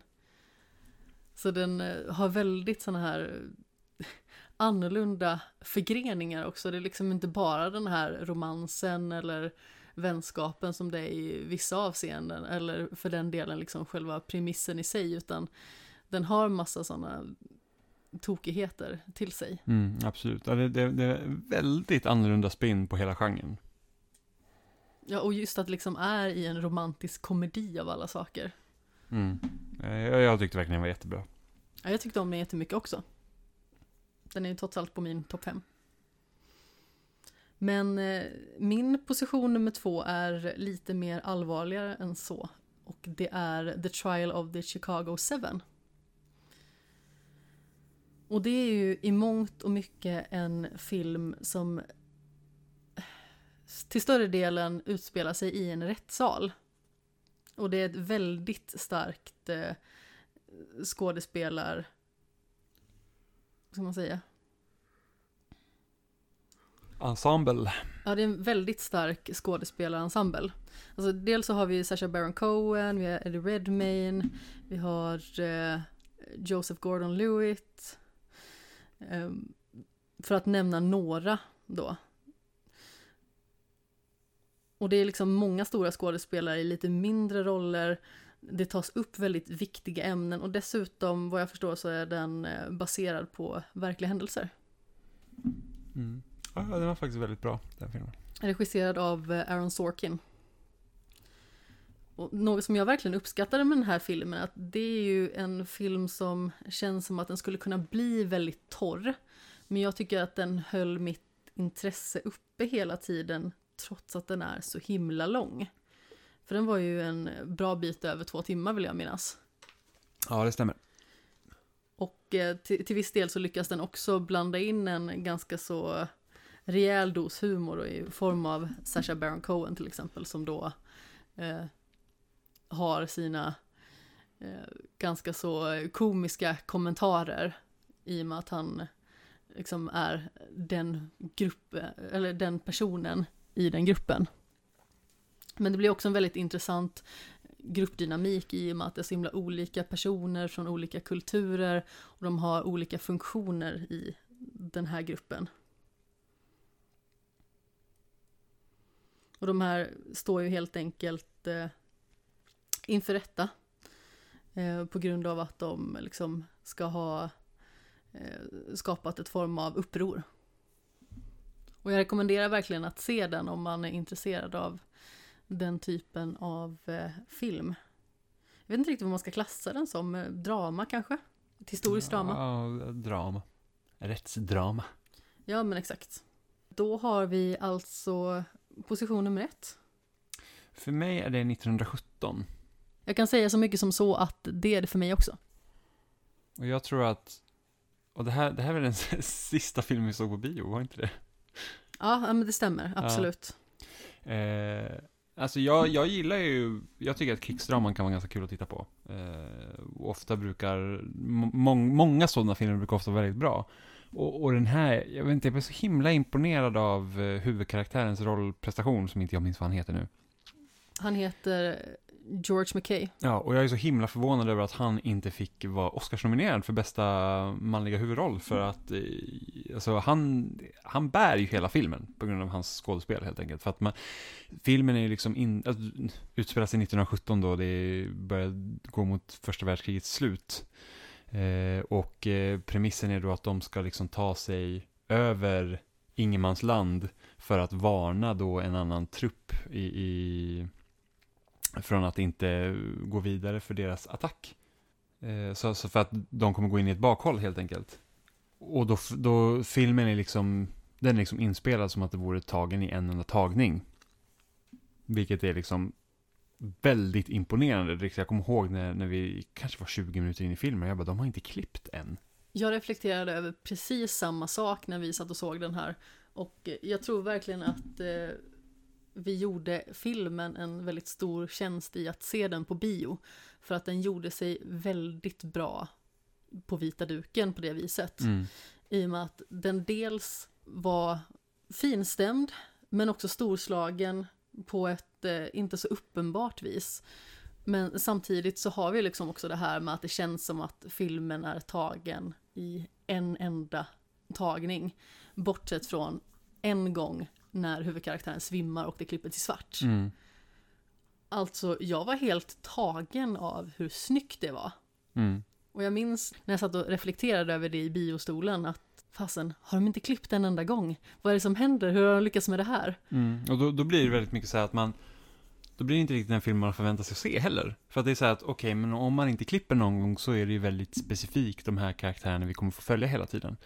Eh, och just det att vi inte alltid får se det är liksom inga överblicksvyer för att kameran är väldigt fastkilad vid huvudpersonen. Och då blir det väldigt så att man, man är så att man hör någonting men vi kommer inte få se det för att karaktären ser det inte. Eller någon kommer bakifrån och man kan inte heller riktigt se det för att karaktären ser inte det. Så skapar man en helt annan spänning och det blir, filmen blir så himla mycket intimare. Jag skulle precis säga det, det är en väldigt intim upplevelse och eh, det är liksom en superintressant skildring av ett krigsdrama. Det är verkligen på ett vis som man inte har sett förut. Alltså krigsdraman har ju en tendens att bli väldigt eh, bombastiskt och det är mycket explosioner och skjutvapen och stora scener med eh, stora trupper och så vidare. Men här får man liksom följa i stort sett en mans kamp där han ska få ett meddelande till en annan bas. Mm. Ja, för det är heller inte så här några jätte, jättestora slag och sånt heller. Nej, absolut inte. Ja, det är en mycket, mycket bra film. Och även där så är det ju liksom väldigt många bra skådespelare med som inte har så jättestora roller, utan man får bara se dem en liten stund. Mm. Utan det är liksom mest George McKay som man får eh, bekanta sig med. Och eh, han gör en otroligt bra rollprestation och precis som du så tycker jag att han borde åtminstone ha vägts in i eh, Oscarsjuryns val där. Och sen undrar jag naturligtvis då slutligen innan vi lämnar filmkategorin vilken din skämsfilm är. Jag funderar mycket på det här, för att ofta har inte jag så här filmer, den där borde jag se och sen så lägger jag någon sorts hög och sen så går jag vidare. För jag tänkte så här att vi såg The Favourite i år, som inte jag hade sett. Men det var att jag kände inte riktigt till den filmen förrän vi faktiskt såg den. Jag har hört dig liksom prata om den, så tycker att den ja, är bra. För att jag tyckte det var årets Ja. bästa film i fjol. Precis, så då kan inte jag säga så här att åh, The Favourite har jag väntat på att få se, utan vi bara såg den. Eh, så, så för mig blir det faktiskt The Fast and the Furious-serien. Eh, så jag har liksom sett de tre första filmerna i princip när de var nya. Alltså för ettan, tvåan och trean. Eh, men liksom jag har ju hört att de andra är så här att, åh, man måste se dem för att liksom det är jättebra actionfilmer och så här. Eh, så att jag såg de resterande som fanns på Netflix. Jag tror inte jag har sett den senaste, undrar om inte det är åttan jag inte har sett. Det finns för många helt Ja, det, enkelt. det finns jättemånga. De är inte jättebra, ärligt talat. Jag tycker inte att de är så kanon direkt. Eh, men jag har sett dem nu, nästan alla. Eh, jag kan väl förstå charmen i dem, men jag kan säkert tänka mig att de är bättre på bio än vad de är när man sitter typ och tittar på dem på paddan eller mobilen eller på tvn hemma. Eh, mellan varven. Men liksom de, de, de är ju liksom helt... Alltså det börjar ju från att vara liksom och det kör lite street racing, det är en polis som ska liksom ta sig in i den här liksom typ gänget då som använder bilar till sin, eh, till, till att sno saker. Till att bli typ så här att, ah, vi röker ut ett bankvalv och kör på en motorväg och typ drar med, alltså det liksom blir helt absurt. Alltså helt absurt. Eh, men men alltså, visst, det funkar att titta på. Inte jättebra filmer ska jag inte säga, men eh, jag förstår charmen med dem. Och precis som jag nämnde tidigare så kan jag liksom inte riktigt välja Parasite som skämsfilm. Hur mycket jag än skulle vilja det så skulle det kännas fel. För att det är liksom ingen film som jag har så här gått och väntat på eller verkligen känt att åh den här måste jag se och sen så till slut så ser man den och så blir det liksom eh, storslagna känslor. Det var storslagna känslor men som sagt vi såg den inom typ en månad efter att den hade släppts i Sverige på bio. Så det hann liksom inte riktigt byggas upp på det viset. Däremot så blev min skämsfilm Klaus. Och det här var ju en så himla fantastiskt vacker upplevelse. Det är en animerad film som eh, släpptes i slutet av 2019. Och eh, som jag har tänkt flera gånger att jag skulle se och som vi pratade om att vi skulle se tillsammans vid någon eh, advent helt enkelt i år. Och när vi till slut gjorde det så var det en så himla känslosam upplevelse. Framförallt så har den så himla många bra element som gör den till en riktigt bra film. Alltså dels så har den alltså, ganska så vuxen humor, om man säger så. Alltså det är väldigt många skämt som skulle passa in i vilken liksom situationskomikserie som vi uppskattar som helst. Men också så är den väldigt känslosam och finstämd. Och musiken är riktigt slående. Så det här är verkligen utan tvekan en av de absolut bästa filmer som jag har sett i år. Av alla filmer. Um, alltså, vi har ju dels eh, Jason Schwartzman som då spelar Jesper.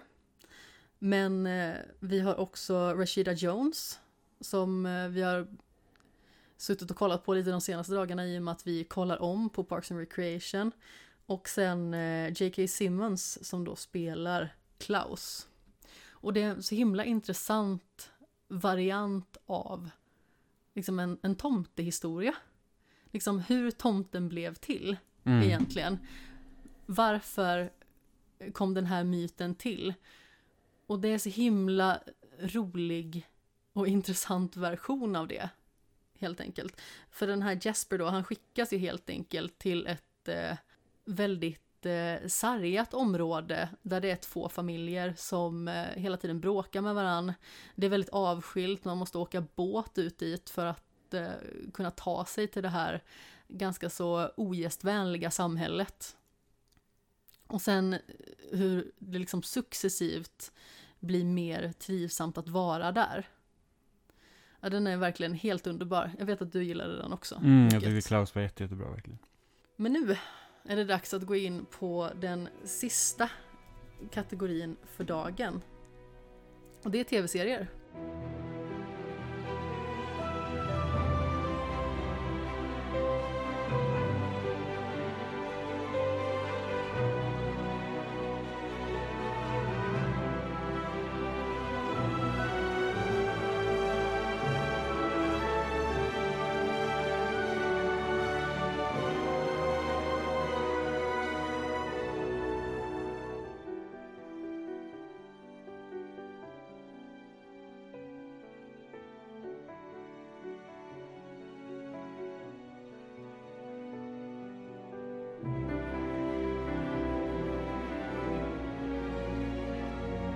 Också en svår eh, kategori i år.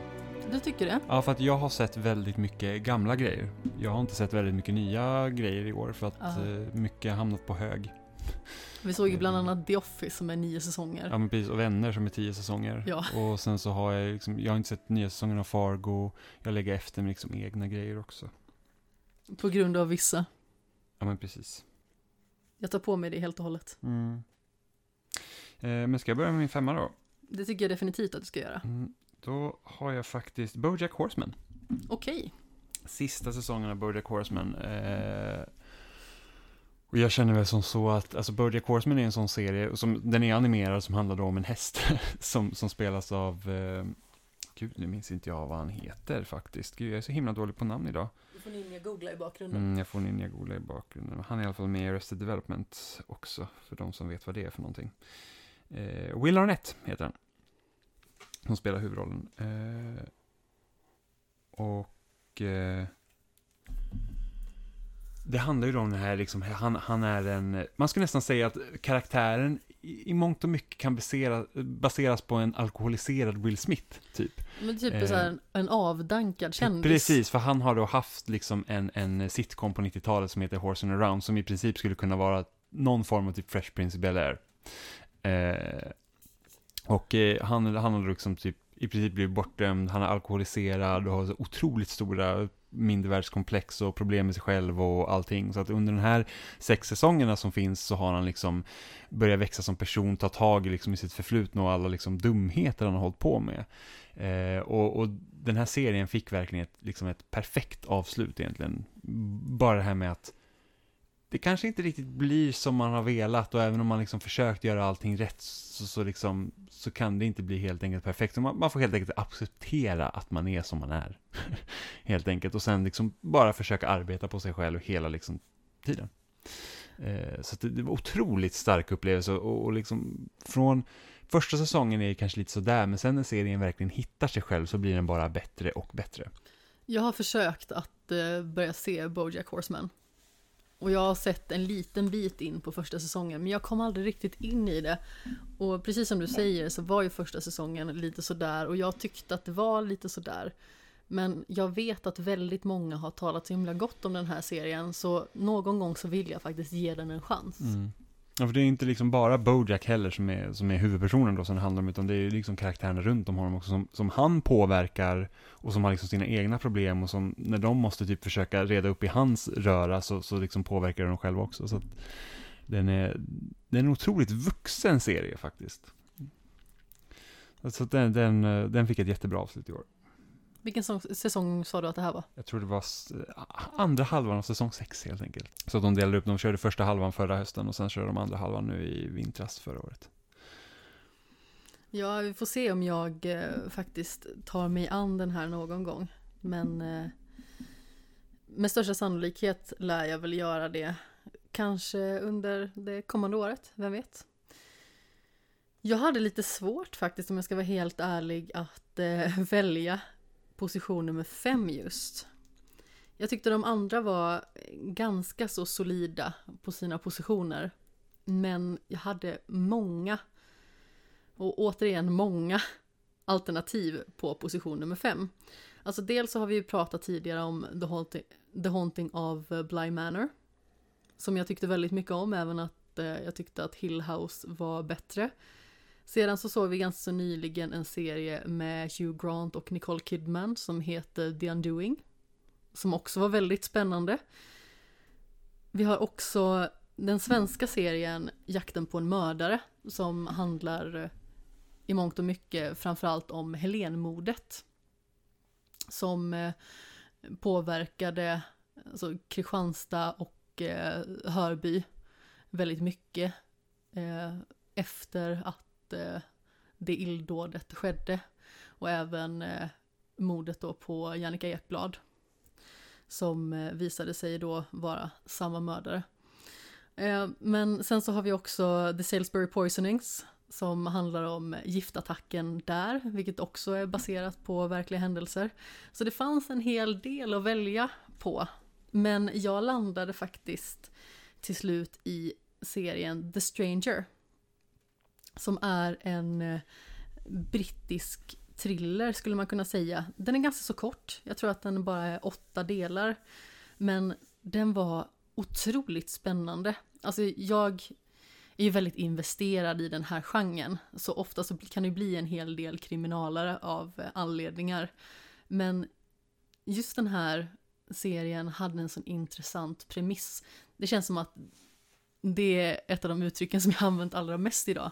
Men det handlar helt enkelt om att det kommer upp en karaktär som då benämns som The Stranger till huvudkaraktären Adam Price då spelad av eh, Richard Armitage. Vilket namn! Armitage. Ja, du kan läsa själv. Vilket namn!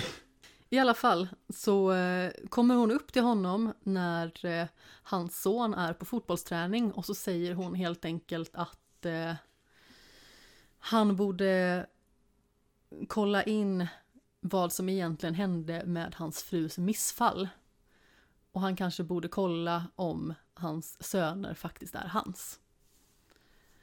Så den här Stranger går runt till folk och eh, gör avslöjanden och eh, rör till det i folks liv på det här viset och eh, i många fall utpressar personer på pengar. Eh, av anledningar som kommer upp mer senare. Men eh, sedan så har vi också en annan väldigt central karaktär som eh, heter så mycket som eh, D.S. Johanna Griffin tror jag. Och eh, hon är spelad av, eh, förlåt för det här hemska uttalet, jag tror att det uttalas Shoban Finneran. Eller någonting i den stilen. Vill du ta en liten test på det uttalet? Ja, Shibania. Ja. Det, så, ja. Jag har för mig att det är irländskt och eh, ofta så är irländska namn ganska så kniviga att uttala för att de uttalas inte som att man tror att de ska uttalas. Hur som haver, hon är i alla fall polis och och hennes bästa vän blir mördad. Och eh, hur allt det här knyts samman är alltså väldigt intressant och tjusigt. Helt enkelt. För det känns som att alla delar i den här serien knyts samman på något vis. Och eh, därför så tyckte jag att den faktiskt slutligen gjorde sig förtjänt av position nummer fem, även att det egentligen nästan skulle kunna varit någon av de andra som jag nämnde tidigare. Position nummer fyra, Jimmy. Min fjärde position är Queens Gambit. Som vi också såg relativt nyligen. Eh, Sträcksåg skulle jag vilja säga. Ja, ja men den var, den var väldigt bra, så den handlar ju om, eh, om schack faktiskt, den här eh, huvudpersonen. Jag är så jättedålig med namn, jag tänkte att jag skulle komma ihåg. Eh, Ja, alltså det handlar ju egentligen om en ung flicka som blir föräldralös och handlar på barnhem. precis, och där så hittar hon då liksom, eh, när hon städ, hjälper till att städa på barnhemmet så ska hon gå ner och eh, putsa de här, eh, vad heter de, som man, som man suddar tavlor med? Tavelsudd. Tavelsudd, är det så enkelt? I alla fall, så, så, så sitter då eh, vaktmästaren där och eh, spelar schack, och då blir hon väldigt nyfiken. Eh, Beth Harmon heter hon. Och, och sen handlar liksom det om hennes liv egentligen, och hur hon liksom tar sig in på de här stora liksom schackturneringarna och, och liksom visar sig att vara liksom ett, nästan ett underbarn liksom i schack. Eh, och det jag tycker är så himla fascinerande med den här serien är att den känns väldigt mycket som anime, fast liksom på riktigt då, för det är ingen tecknad serie, det är en riktig serie. Eh, för att något som är vanligt i anime är att man kan liksom ta ganska vanliga, ganska ointressanta grejer egentligen, så till synes ointressant. För att om någon säger så här, ja, men titta på den här tv-serien om schack, så kanske man säger bara okej. Eh, men liksom, i, i, det finns jättemånga roliga så här, sportmanga, så här, fotboll, baseball, basket, eh, även eh, en ganska stor genre i Japan nu också matmanga, utspelar sig liksom i, i, som kockar, så att det är liksom, och, och man gör liksom, man har en speciell twist på det som gör att det blir liksom helt galet. Eh, och lite så känns det som Queens Gambit är, hur de liksom presenterar sättet hon lär sig spela schack på, liksom, på barnhemmet så får hon liksom lugnande tabletter som hon liksom tar på kvällen och då kan hon liksom visualisera schackbrädet i taket. Eh, vilket känns liksom, det blir en väldigt så här fantastik över det helt. Och, för att det, det är liksom, så där ser det inte ut på riktigt till exempel. Det är, Nej, men alltså det blir ju nästan lite obehagligt. Alltså nästan lite skräckinjagande när hon får de här nattliga hallucinationerna när hon tar sin medicin. mm, För då ser man liksom hur ett schackbräde tonar upp sig Ja, med pjäserna och i sen- och taket sen- upp och ner vänt. så det blir väldigt så skräckanda nästan.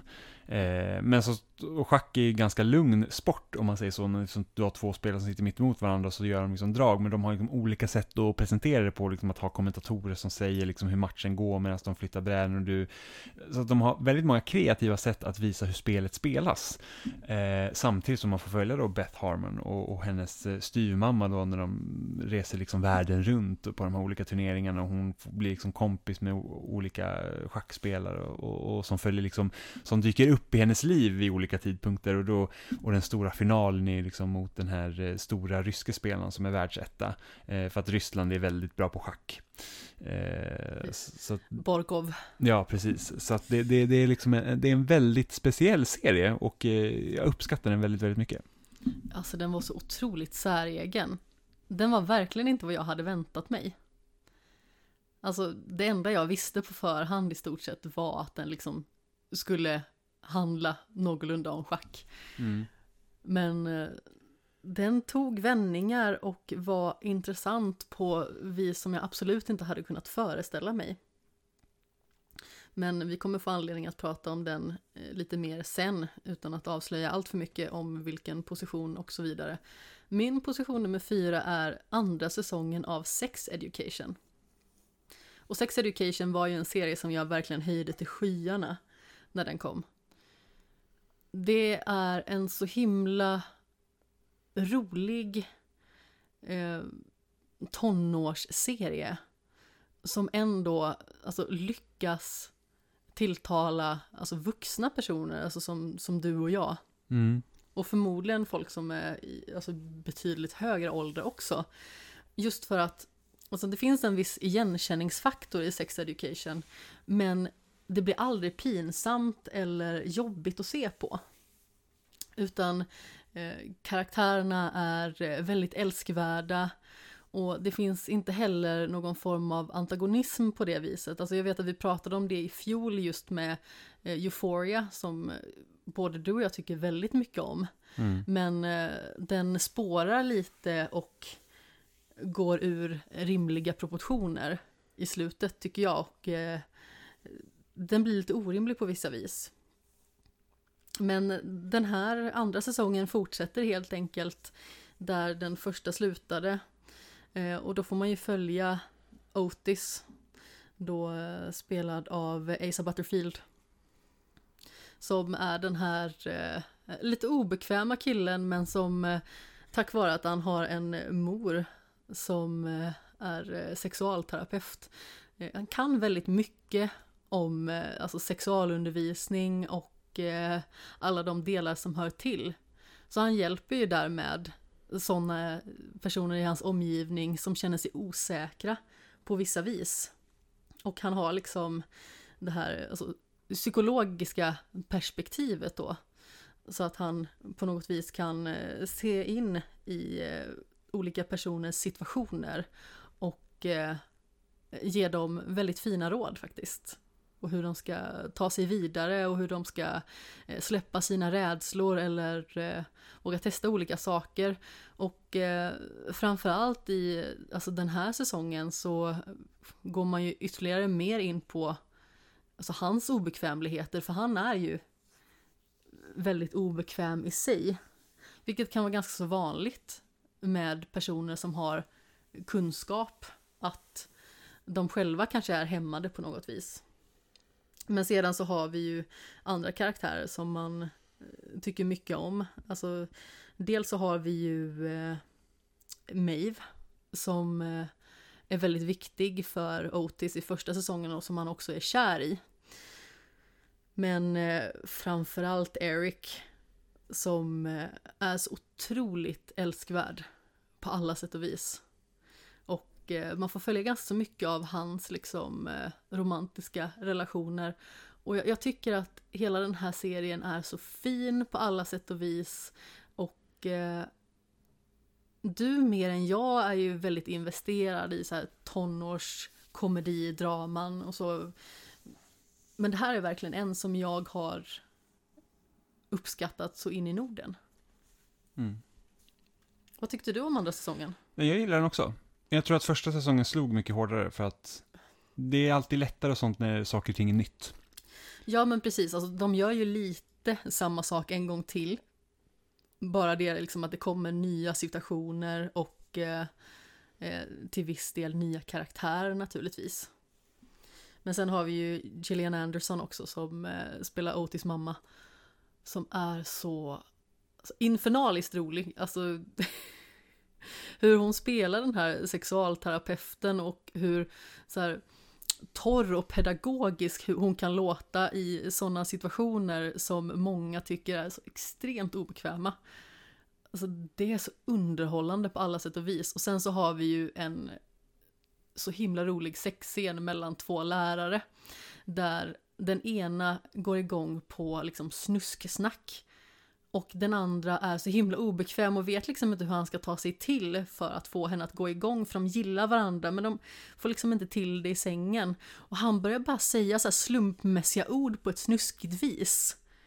Och till slut så liksom när de på något vis når klimax så står han liksom och skriker Baba Ganoush. Och det är så himla roligt. Alltså Få gånger har jag skrattat så mycket liksom i, i den serien. Alltså även att man, man skrattar, man gråter och man känner ganska så mycket och eh, man får ju naturligtvis också eh, tankar som rör sin egen ungdom under den här serien. Även att det liksom aldrig blir pinsamt på något vis. Position nummer tre. Eh, position nummer tre är den femte säsongen av Better Call Saul. Jaha. Jag hade helt för mig att den här säsongen kom förra året, men det gjorde den inte. För att, det här, för att 2020 var typ tre år. Eh, och det som är så speciellt med Better Call Saul är det att det är en, det är en prequel-serie till Breaking Bad. Eh, som då följer då den blivande advokaten Saul Goodman. Och man får liksom se då hur Jimmy McGill blir Saul Goodman i den här serien. Eh, som utspelar sig någon gång på 90-talet och Breaking Bad utspelar sig på 2000-talet. Eh, Och, och den femte säsongen, alltså ju längre den här serien har gått, så kryper den ju bara närmre och närmre händelserna i Breaking Bad. Den kanske utspelar sig i början av 2000-talet i och för sig. Jag kan ha, det måste vara början av 2000-talet, precis, och Breaking Bad är senare delen av 2000-talet. Eh, och den här serien då kryper ju närmre och närmre händelserna i Breaking Bad, så att jag antar att när den här serien är slut, den ska ha en till säsong, så kommer den liksom det- Den kommer gå i klaff. den kom ja, förmodligen så att man liksom, okej, men nu är, nu är karaktärerna i position till att det blir Breaking Bad. Eh, och, och jag måste ändå liksom, det är imponerande hur de lyckas ta karaktären Saul Goodman och liksom göra honom till, för att det var det jag var orolig för när de utannonserade den här serien, var ju det att hur ska de kunna ha en serie som kretsar kring Saul Goodman? För att han känns inte som en karaktär som bär upp en serie. Väldigt mycket en sidokaraktär vad jag har förstått liksom Ja, precis, han har ju en viktig roll. i alla dess bemärkelser. Han har ju en viktig roll, men det är liksom inte, han är ju liksom inte en huvudkaraktär i det avseendet. Men de har ju massa karaktärer från Breaking Bad också som, som är jätteviktiga. Jag vill inte spoila det för dig för att du ska se Breaking Bad först, för att det, om vet man om saker som händer så, ta, så försvinner udden från det. Eh, men också nya karaktärer, och då är det ju speciellt då, vad ska man säga, eh, Jimmy McGills vapendragare Kim Wexler som spelas av eh, Rhea Seahorn. Och hon, alltså hon är så himla bra i den här serien. Att det är liksom mycket, jag tycker mycket av serien liksom att den känns så fantastisk är på grund av henne och hon då dras in liksom i i hans liksom, han ljuger ju liksom. Han har egentligen hjärtat på rätta ställe men han ljuger liksom för att komma fram. Han, liksom är, han är en lurendrejare helt enkelt. Eh, och och av, på, av någon anledning så dras hon liksom in i det här också så att, så att han får henne att ljuga och hon liksom säger att jag har skött mig typ hela mitt liv. Det känns jävligt bra att liksom bara ge igen liksom när det händer skit. Eh, så att mycket av deras relation bygger på det. Och det, det, det är mycket mer av en dramaserie än Breaking Bad. Breaking Bad har ju en annan spänning i det. För att det är, ja men, Walter som då är cancersjuk och, och liksom helt plötsligt blir någon form av typ kingpin över ett helt drogimperium. Det är ju liksom inte riktigt Better Call Sauls omfång. Den har väl lite mer thrillerkaraktär om man säger så, på det viset. Precis, eh, lite så. Eh, men ju längre Better Call Saul går så blir den ju också lite mörkare och den blir lite roare helt enkelt för att man, man får ju se saker från kartellen och man får se liksom som en annan stor karaktär i Better Call Saul Mike Ehrmantraut eh, som, som är före detta polis och som också är med i Breaking Bad som då arbetar liksom åt, åt eh, en av skurkarna liksom.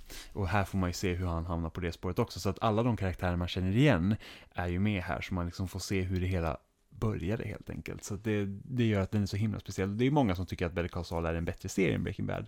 Eh, jag skulle säga att det är en bättre dramaserie än Breaking Bad, men jag tror jag håller Breaking Bad högre för att den har en helt annan spänningsfaktor. Men alltså Better Call Saul är verkligen riktigt, riktigt bra. Så att gillar man Breaking Bad så ska man absolut se den.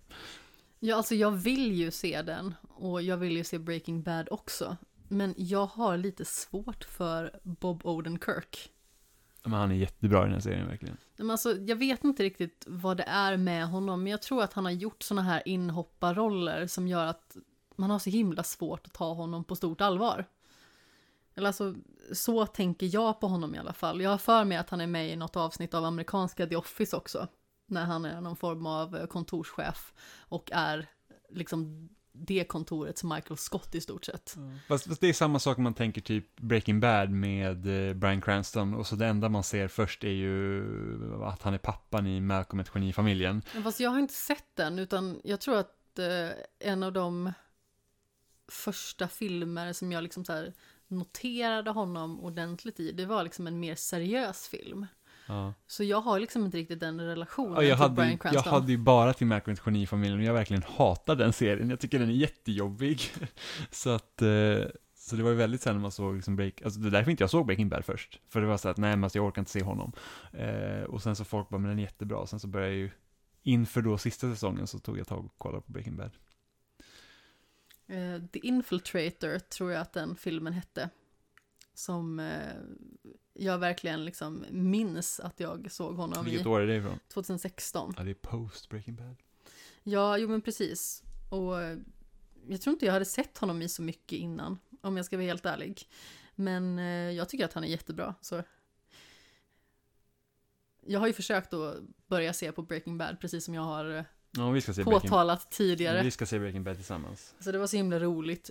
Jag och mamma började se den här serien ihop och så i alla fall så kommer ju den här första scenen när de åker i den här husbilen och så hänger typ ett par byxor ut ur fönstret. Och det första hon frågar liksom är så här, varför hänger det ett par byxor ut där? Bara så här, jag har sett exakt samma typ 30 sekunder som du har sett. Hur ska jag kunna veta varför det hänger ett par byxor ut ur fönstret?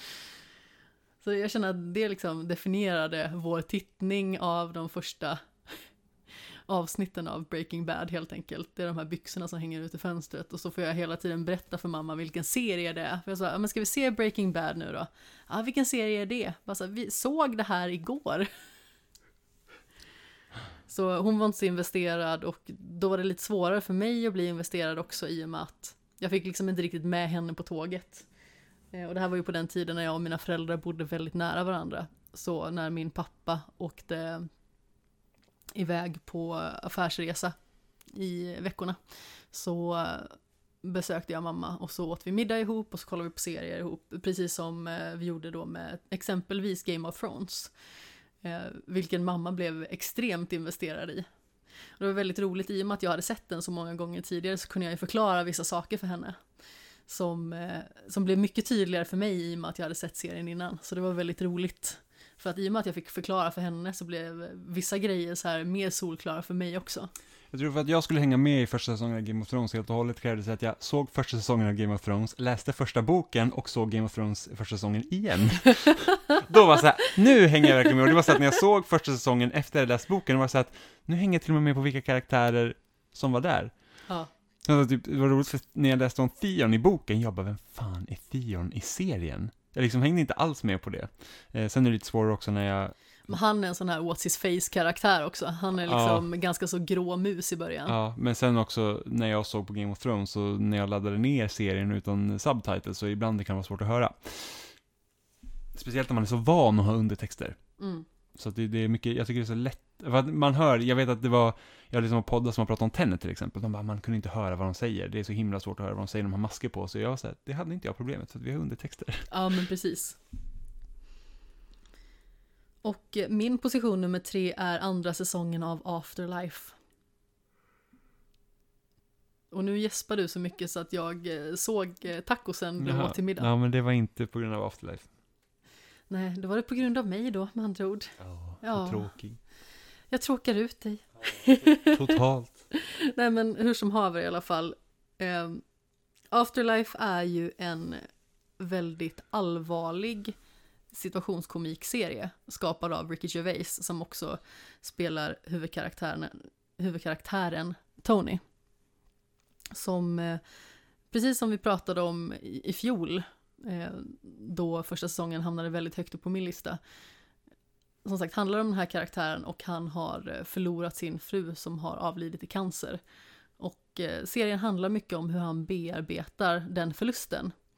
Och första säsongen slutar väl på en ganska så positiv not om man säger så. Ja. Men den andra säsongen visar väldigt tydligt att bara för att det finns glada, stu eh, glada stunder så betyder inte det att allting är frid och fröjd. Utan livet är fortfarande hårt. Han måste fortfarande bearbeta den här tragedin varje dag och det påverkar honom som person och det påverkar hur han behandlar sin omgivning och eh, påverkar hur hans omgivning mår också naturligtvis i och med att det finns karaktärer som bryr sig om honom. Och jag tycker det var väldigt fint för att du och jag såg första säsongen ihop. Eh, precis innan andra säsongen släpptes och sedan så sträcksåg vi den också. Och eh, vi låg och typ eh, grät i takt i din soffa. Uppe i Flemingsberg. Ja, båda två. Slutet på andra säsongen är jättehemskt. Ja. Men som sagt, hela serien i sig är en sån emotionell berg och dalbana helt enkelt. Alltså, vi har ju dels alltså, så himla många roliga saker, alltså man skrattar ju extremt mycket. Men det finns så himla många sorgliga stunder. Så att man liksom eh, sitter och gråter. Alltså, storgråter i stort sett. Och sen ibland så skrattar man tills man gråter. Så det känns ju som att eh, det finns liksom inte en sekund där man inte känner någonting. Utan Det finns hela tiden någonting att bli berörd av eller påverkas av med alla karaktärer som man stöter på för att det här är liksom en, en småstad och alla har liksom sina problem och eh, sånt som de kämpar mot. Mm. Och andra säsongen går ju lite mer in på hur eh, relationen mellan Tony och Lisa då, hans fru, var. Och man fick eh, se mycket mer av dem. Samtidigt som man naturligtvis får eh, se hur han fortsätter att bearbeta den här förlusten. Och jag trodde faktiskt inte att en andra säsong skulle vara så bra som den här var. För jag tänkte liksom att den här första säsongen, den var så perfekt med de här sex avsnitten. Det behövs liksom inte mer. Men eh, jag tyckte verkligen att den andra säsongen tillförde någonting. Och det ska komma en tredje. Ja, men precis. Jag är lite rädd för det, precis som jag var rädd för andra säsongen. Men eh, vi får helt enkelt eh, hoppas att även den blir bra. Position nummer två. Min andra, det är, det, är lite, det är lite gränsfall här faktiskt, när det kommer till min andra position, men det skiter jag i. Har du skurkat dig? Nja, halvt om halvt skurkerier skulle jag säga. Men det, är, det var faktiskt så att Euphoria fick ett specialavsnitt i år, som jag valde att sätta på andra plats. För att jag tycker att eh, det helt enkelt var så himla bra. Ja, det är lite skurkigt faktiskt. Jag vet, det är lite skurkigt, men som sagt, det skiter jag i. eh, bara för att, alltså Eu- Eu- Euphoria tror jag var den serien jag satte längst upp förra året. Ja, det gjorde du. Eh, och jag väntar ivrigt på en andra säsong. Eh, hade de släppt de här båda specialavsnitten som kommer i förra året så hade det känts bättre att ha Euphoria på andra plats. Det är nästan man kunde ha tagit det här som årets film.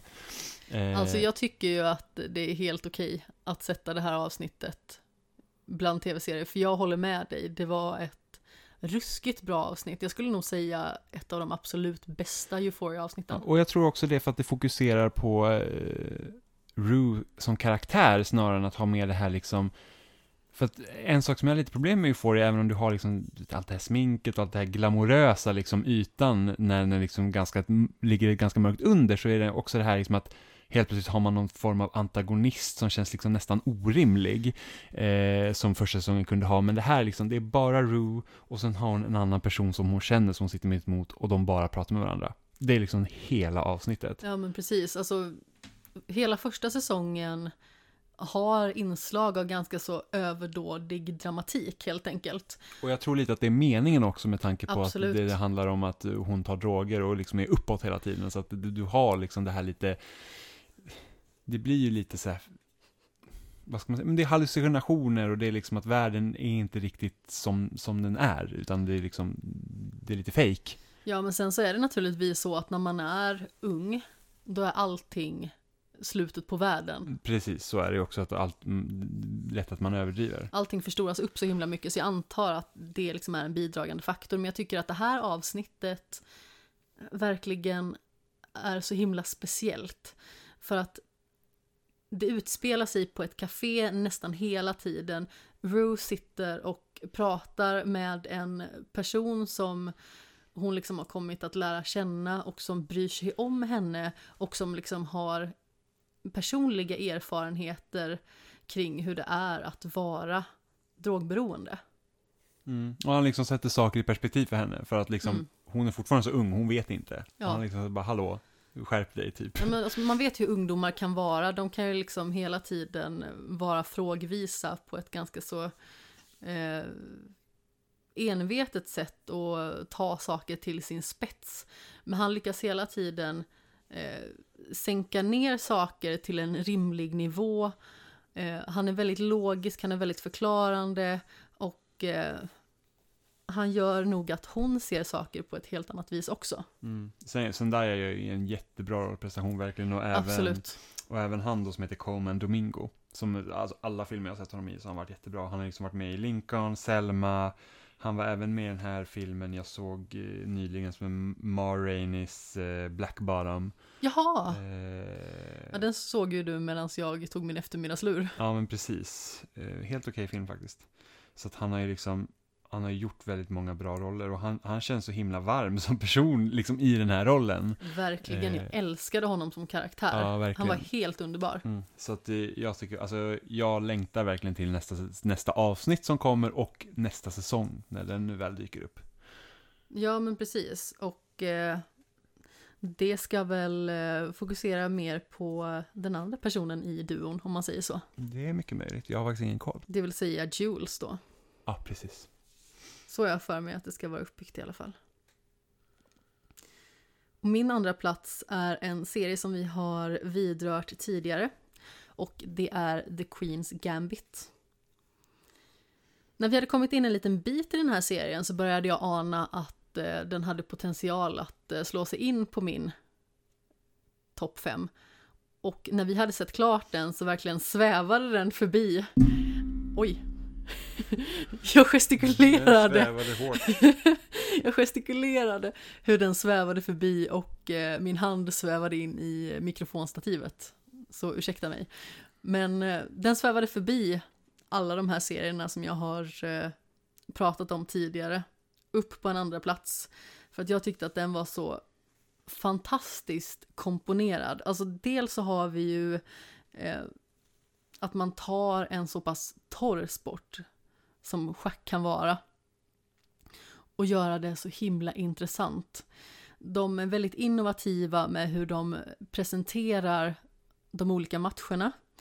Och eh, framförallt så är serien hela tiden musiksatt på ett vis som gör att man får en känsla av spänning och eh, man känner sig exalterad och nyfiken.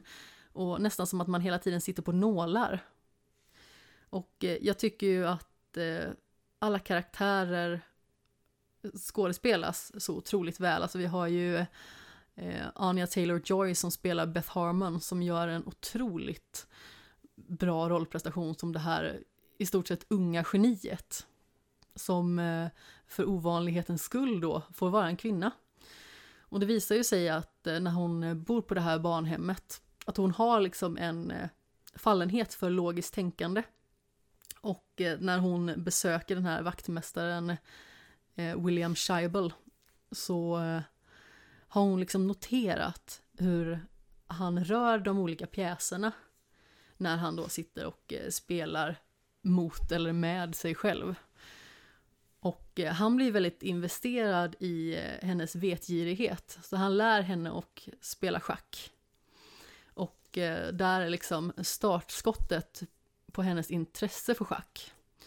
Och det är ju någonting som blir väldigt betydelsefullt för henne, för jag menar att eh, hennes eh, föräldrar är helt ute ur bilden.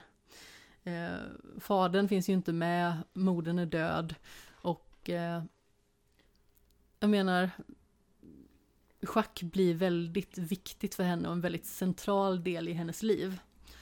Och sedan så blir hon adopterad och hon eh, måste lämna sin närmaste vän då på barnhemmet i form av eh, Jolene som också liksom är en, en äldre tjej på barnhemmet för att eh, Beth blir väldigt sent adopterad.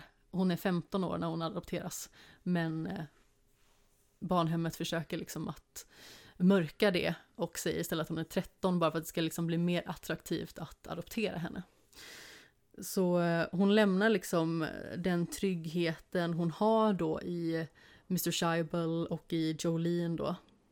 Och eh, schackspelandet och flyttar in hos en familj.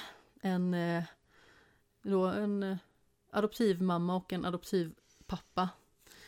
Eh, varav den sistnämnda då inte bryr sig i stort sett och eh, bara flyr fältet hela tiden.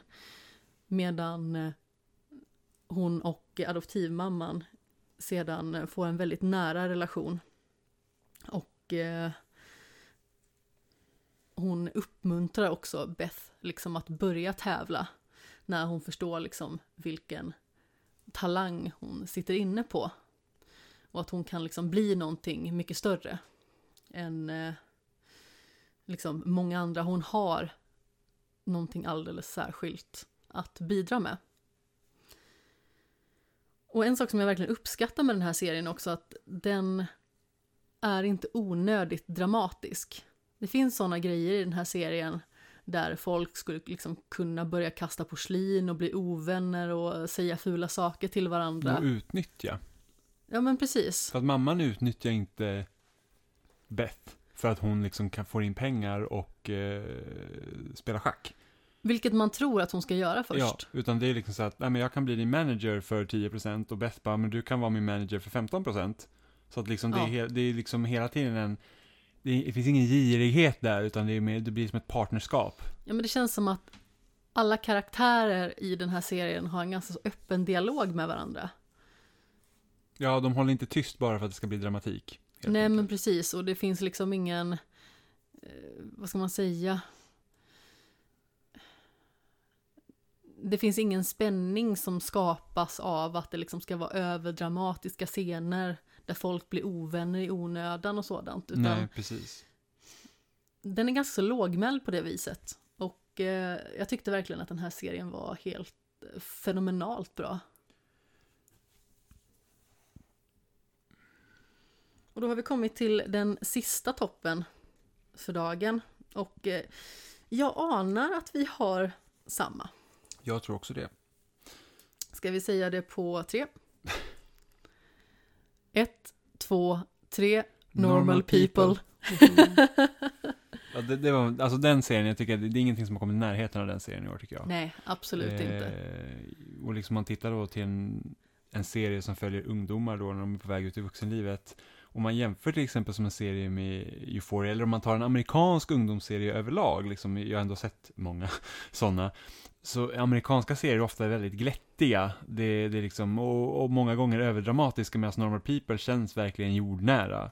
Den är otroligt jordnära och framförallt så var det en serie som träffade så rakt in i hjärtat på alla sätt och vis. Vi pratade om den här i våras när vi hade sett den och både du och jag var helt tagna av den här serien. Och det finns verkligen ingen serie som kommer i närheten av den här i år och alltså det är en av de bästa serier jag har sett någonsin. Ja, Jag hoppas verkligen inte att det kommer en uppföljare, för jag vet ju att alltid är så här tisslat och tasslas om att eh, det ska komma mer och att eh, naturligtvis så försöker ju eh, företag liksom mjölka när det kommer en sån här succé som ändå Normal People var. Men det handlar ju om eh, Connell och Marians relation och eh, hur de stöter på varandra och eh, liksom blir det enda de har vid olika tidpunkter i deras eh, ungdoms och eh, unga vuxna liv, eller vad man ska säga. Mm.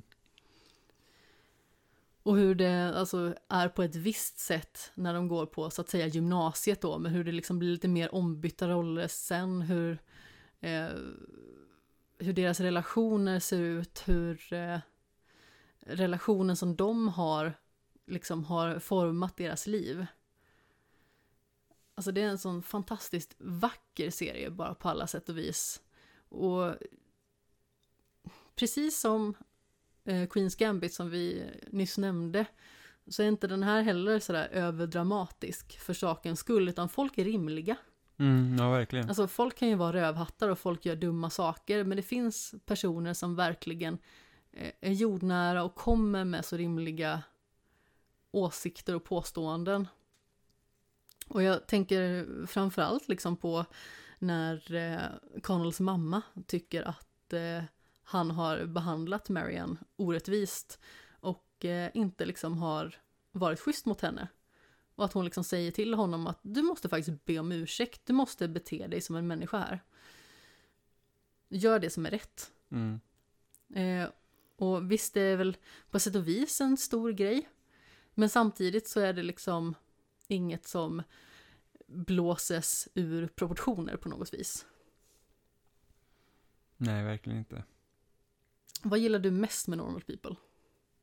Men jag tror jag gillar den här också att det får, det får liksom utspela sig över tid. Så att det viktigaste för dem är liksom inte att de går i skolan, utan de får också bli vuxna under seriens gång. Så att det Ofta när man tittar på ungdomsserier så att, ja men när de går i skolan, det är så himla viktigt. Så man tar Skam till exempel, som jag också tycker är en serie som håller sig ganska jordnära, är ju det att den går ju också, utgår också från perspektivet att det här är liksom gymnasieelever som att det största för dem, eller många har med, det är att ta studenten. Och då liksom... Skaffa den här russebussen. Ja, ja men precis. Och av någon jäkla anledning så slutar de serien innan de fick faktiskt gå ut studenten också, vilket jag tycker är, hallå, så får man inte göra.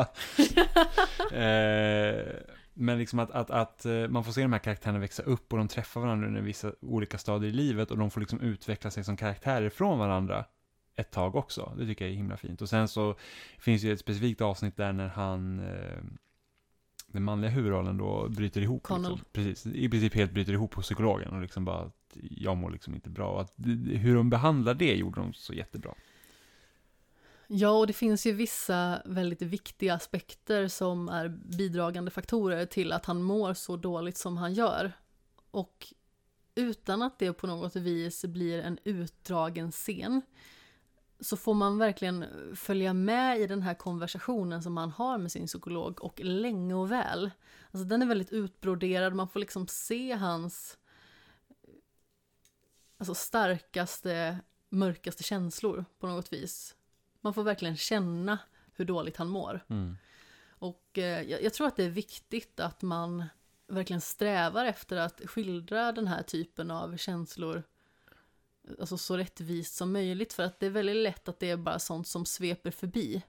Att det är någonting som bara händer, att en person får en panikångestattack eller att en eh, person får liksom ett, eh, ska man säga, ett, ett bryt och börjar eh, gråta liksom eller sådär. Det, det är liksom väldigt lätt att bara svepa förbi det. Men utan att liksom, vad kan man säga, gotta sig i eh, sorg och elände så känns det som att det är väldigt viktigt att eh, porträttera det rättvist. Att det är tungt, det är jobbigt och eh, det behöver liksom bearbetas. Precis som det är i livet egentligen. Att det är ingenting som man kanske pratar med någon om i en kvart och sen är det borta. Mår man dåligt så är det en lång process att ta sig vidare och att kunna må bra igen. Mm. Ja, verkligen med tanke på att han har ju ändå ganska stor framgång när han liksom reser runt, han åker till USA ett tag och Ja, det är väl tanken i slutet egentligen av serien. Ja, men han bor väl hos någon kompis som typ någon musiker och går det så bra för dem. Ja, alltså både Connell och Marian är ju väldigt talangfulla personer som eh, är otroligt intelligenta och eh, mångfacetterade. Vilket också inte serien överspelar. Nej men precis. De blir liksom inte sådana supermänniskor liksom bara för att de är smarta. Ja men precis, de, de badar liksom inte i guld på något vis, utan det är liksom helt enkelt att det är två karaktärer som har liksom en väldigt kärleksfull relation, men den är också väldigt intellektuell. Mm. De har liksom väldigt viktiga konversationer med varandra som man får ta del av. Det är liksom inte bara snuttande och eh, gullande, utan den har liksom så himla många lager. Och jag förälskade mig verkligen i den här serien. Jag tycker att den var helt magiskt bra. Mm. Och som sagt, en av de bästa serier jag någonsin har sett. Så har man inte sett Normal People så rekommenderar jag den eh, definitivt. Ja, den finns på HBO Nordic just nu. Jag Mm. vet inte om den finns kvar på SVT Play längre. Jag vet inte. kan jag i och för sig kolla. Som har appen i min telefon. Ja men precis. Men annars, ta en provperiod på HBO om ni inte har det. Det är 12 avsnitt. De är väldigt olika i längd. När man kommer in i serien så är det sv- svårt att sluta.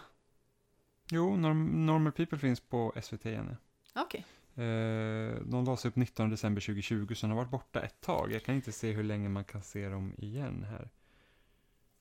Men det var ju så himla intressant för att vi kom ju verkligen in i serien och eh, slukade den med hull och hår.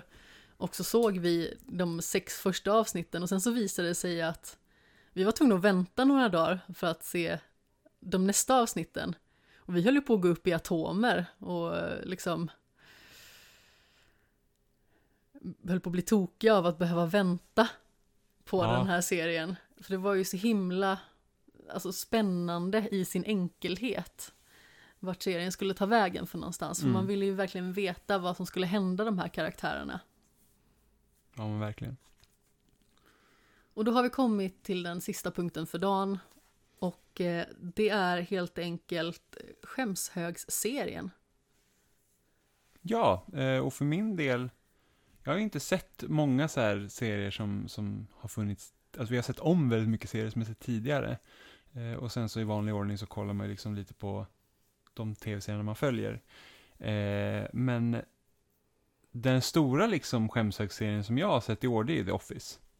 Amerikanska The Office. Ja, det amerikanska The Office, precis. Eh, så jag hade ju sett brittiska Office när Netflix var rätt så nytt, för då fanns de där. Och sen så började jag väl kolla på amerikanska Office, jag såg väl ett eller två avsnitt tror jag för några år sedan. Och sen blev det så här att nej, jag, så, jag orkar inte titta på det här just nu. Eh, och sen så nu såg vi igenom hela serien och den var ju faktiskt riktigt bra. Den var bättre än vad jag trodde att den skulle vara. Jag kände ju exakt samma när jag såg den i fjol. För att jag har haft vissa fördomar mot amerikanska The Office. Just i och med att den brittiska versionen ligger mig väldigt varmt om hjärtat. Och det är väldigt typiskt amerikaner att amerikanisera saker och liksom inte komma med egna idéer. Men när den Och serien sen tar köra fart så alldeles för långt också typ. Ja men precis, när den serien tar fart så blir det något eget som är eh, fantastiskt och älskvärt och eh, man skulle egentligen inte kunna säga att amerikanska och brittiska The Office är samma serie. Förutom typ första säsongen.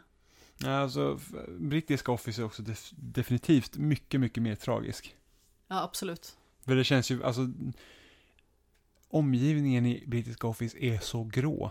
Alltså det är även grått för personerna som jobbar där. De jobbar på ett pappersföretag. Och det är liksom så att, ja. Medan i amerikanska The Office så liksom, de karaktärerna känner att sin arbetsplats, det är, liksom, det är liksom ett helt annat sätt. Det känns mycket viktigare för dem. Det känns som att de gör någonting av mening i alla fall. Medan brittiska var verkligen så här bara att antingen har man kommit typ dit för att dö, eller så är det bara en mellanlandning liksom innan man hittar något annat. Ja, alltså amerikanska The Office är mycket mer färgstark på det viset och har väldigt många karaktärer som man kan fästa sig vid. Mm. Medan alltså just brittiska The Office cirkulerar väldigt mycket just kring David Brent. Vi har Gareth, vi har Tim och vi har Dawn. Medan amerikanska The Office har liksom ett helt annat karaktärsbibliotek. Som man kan eh, gotta ner sig i, Mm. vad man ska säga. Även att det kanske naturligtvis finns vissa karaktärer som man fäster sig vid lättare eller som är mer centrala i serien. Mm. Men man får se mycket mer av, så att säga, kringpersonerna som inte egentligen har lika stor plats. Mm. Och min skämserie kommer nog göra dig ganska så glad tror jag. För det är Skam. Ja. Och det här var ju verkligen en serie som jag avfärdade typ efter två avsnitt när jag såg den själv. Mm. Jag tyckte den verkade skitlöjlig. Och eh, jag förstod verkligen inte storheten med den. Folk var helt tokiga, de eh, tryckte tröjor med eh, att eh, kroppen tränger på täter och fasen och hans moster. Och folk började använda läppstift för att Nora hade det. Jag förstod verkligen liksom inte dess storhet på något vis. Men jag kan lite granna i alla fall sätta mig in i den nu för att det var faktiskt en väldigt älskvärd serie. Jag tycker att första säsongen är helt klart sämst. Mm. Men den växer också väldigt mycket i och med att det blir mer intressanta karaktärer. Mm. Framförallt eh, tredje och fjärde säsongen eh, har ju väldigt intressanta huvudkaraktärer. Vi har ju tredje säsongen som cirkulerar mer kring Isak. Och vi har eh, fjärde säsongen som eh, cirkulerar mer kring Sana. Och det är personer som inte lever alltså så normativa liv, om man säger så. Mm. Det är det som gör dem mer intressanta. Eh, om vi tar eh, Eva till exempel och även Nora för den delen så är det ju liksom väldigt Ja, de standardkaraktärer. känns mer som typiska liksom, Ja, ungdomskaraktärer. mall 1A-karaktärer. Men eh, de andra karaktärerna har något väldigt särskilt att erbjuda och det är där serien verkligen skiner. Och även Skam är väldigt jordnära. Ja, det är den. Även, även om jag tycker det är lite lustigt när man har så här preview-grejerna inför avsnitten, så känns det mycket mer som det vore någon så här partypingla-serie än vad den faktiskt är. Det är det som jag tycker jag är jättelustigt. För att det, den är inte så, det, det, känns, det känns nästan som att det här ska den vara så skandalös på något sätt, men den, den är ju inte det. Jag tycker inte den är så skandalös. Nej, jag tycker den att den det. speglar väldigt väl hur det är att vara tonåring. Ja, det är därför det är så konstigt att de vill visa upp det som att det vore det. Mm, absolut. Men det börjar bli dags att runda av för idag. Vi har ju suttit en ganska så bra stund och eh, pratat om eh, år 2020 och dess eh, populärkultur i form av spel, film och tv-serier. Vi fick ju faktiskt en kommentar när vi eh, twittrade ut om det var någon som ville dela med sig av eh, vad man liksom hade konsumerat under det gångna året, vad man tyckte var bäst och så vidare. Och då fick vi svar av Björning som skrev eh, spel, The Last of Us Part 2, tätt följd av Ghost of Tsushima. Film, jag fuskar och säger Ran som jag såg om tillsammans med Kagemusha och Blodets tron som inspiration när jag spelade Ghost. Serie, Chernobyl var 2019 och då blir det Westworld 3. Skämshög, hmm. Började just på Odyssey och jag antar att han menar Assassin's Creed Odyssey då. Eller Super Mario Odyssey. Vem vet? Ja, det är mycket möjligt faktiskt. Ja, men jag tror att det är Assassin's Creed. Det känns som ett spel man kan lägga i skämshögen för det är så hiskeligt långt. Ja, det är väldigt stort. Mm. Men tack så himla mycket för din eh, kommentar och eh, Björning skickar ofta lite glada och eh, fina tillrop på sociala medier. Så eh, det är alltid glädjande att eh, få meddelanden från det hållet. Men har man kommentarer, frågor och funderingar så får man jättegärna höra av sig.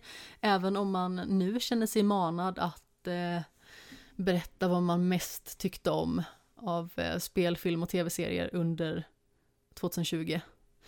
Man kan höra av sig via Instagram eller Twitter på snabla skamshogen eller på skamshogen.gmail.com Skämshögen finns även på Facebook där vi har vår egen Facebook-sida. Och om man vill eh, kontakta eller följa dig Jimmy, Så gör man det bäst på spelsnack om man vill höra eh, när vi pratar om spel. Eh, Eller där jag skriver om spel. Eller så kan man följa min Twitter på Seppala13. Ja men precis, och eh, även jag pratar ju både i eh, eh, spelsnack men skriver också för loading precis som du gör. Och jag finns på sociala medier i form av snabla kapten Sten. Sten med två E i sedvanlig ordning för att det är mitt namn. Men eh, som sagt, vi har bearbetat och eh, haft år 2020 under förstoringsglas och eh, nu är det dags att blicka framåt mot eh, det året som vi faktiskt har klivit in i, 2021. Så det är gissningsvis vad som kommer att pratas om i nästa avsnitt. Helt enkelt vad vi ser fram emot och eh, vad vi är nyfikna på. Men vi säger som vanligt, antar jag. Ja. Vill du... Eh, Ska jag, ett, ett, ett hejdå? jag hade hoppats att du skulle säga puss i ljumsken. Jag säger, jag pussar inte ljumskar. Då säger jag det. Puss i ljumsken. Hejdå!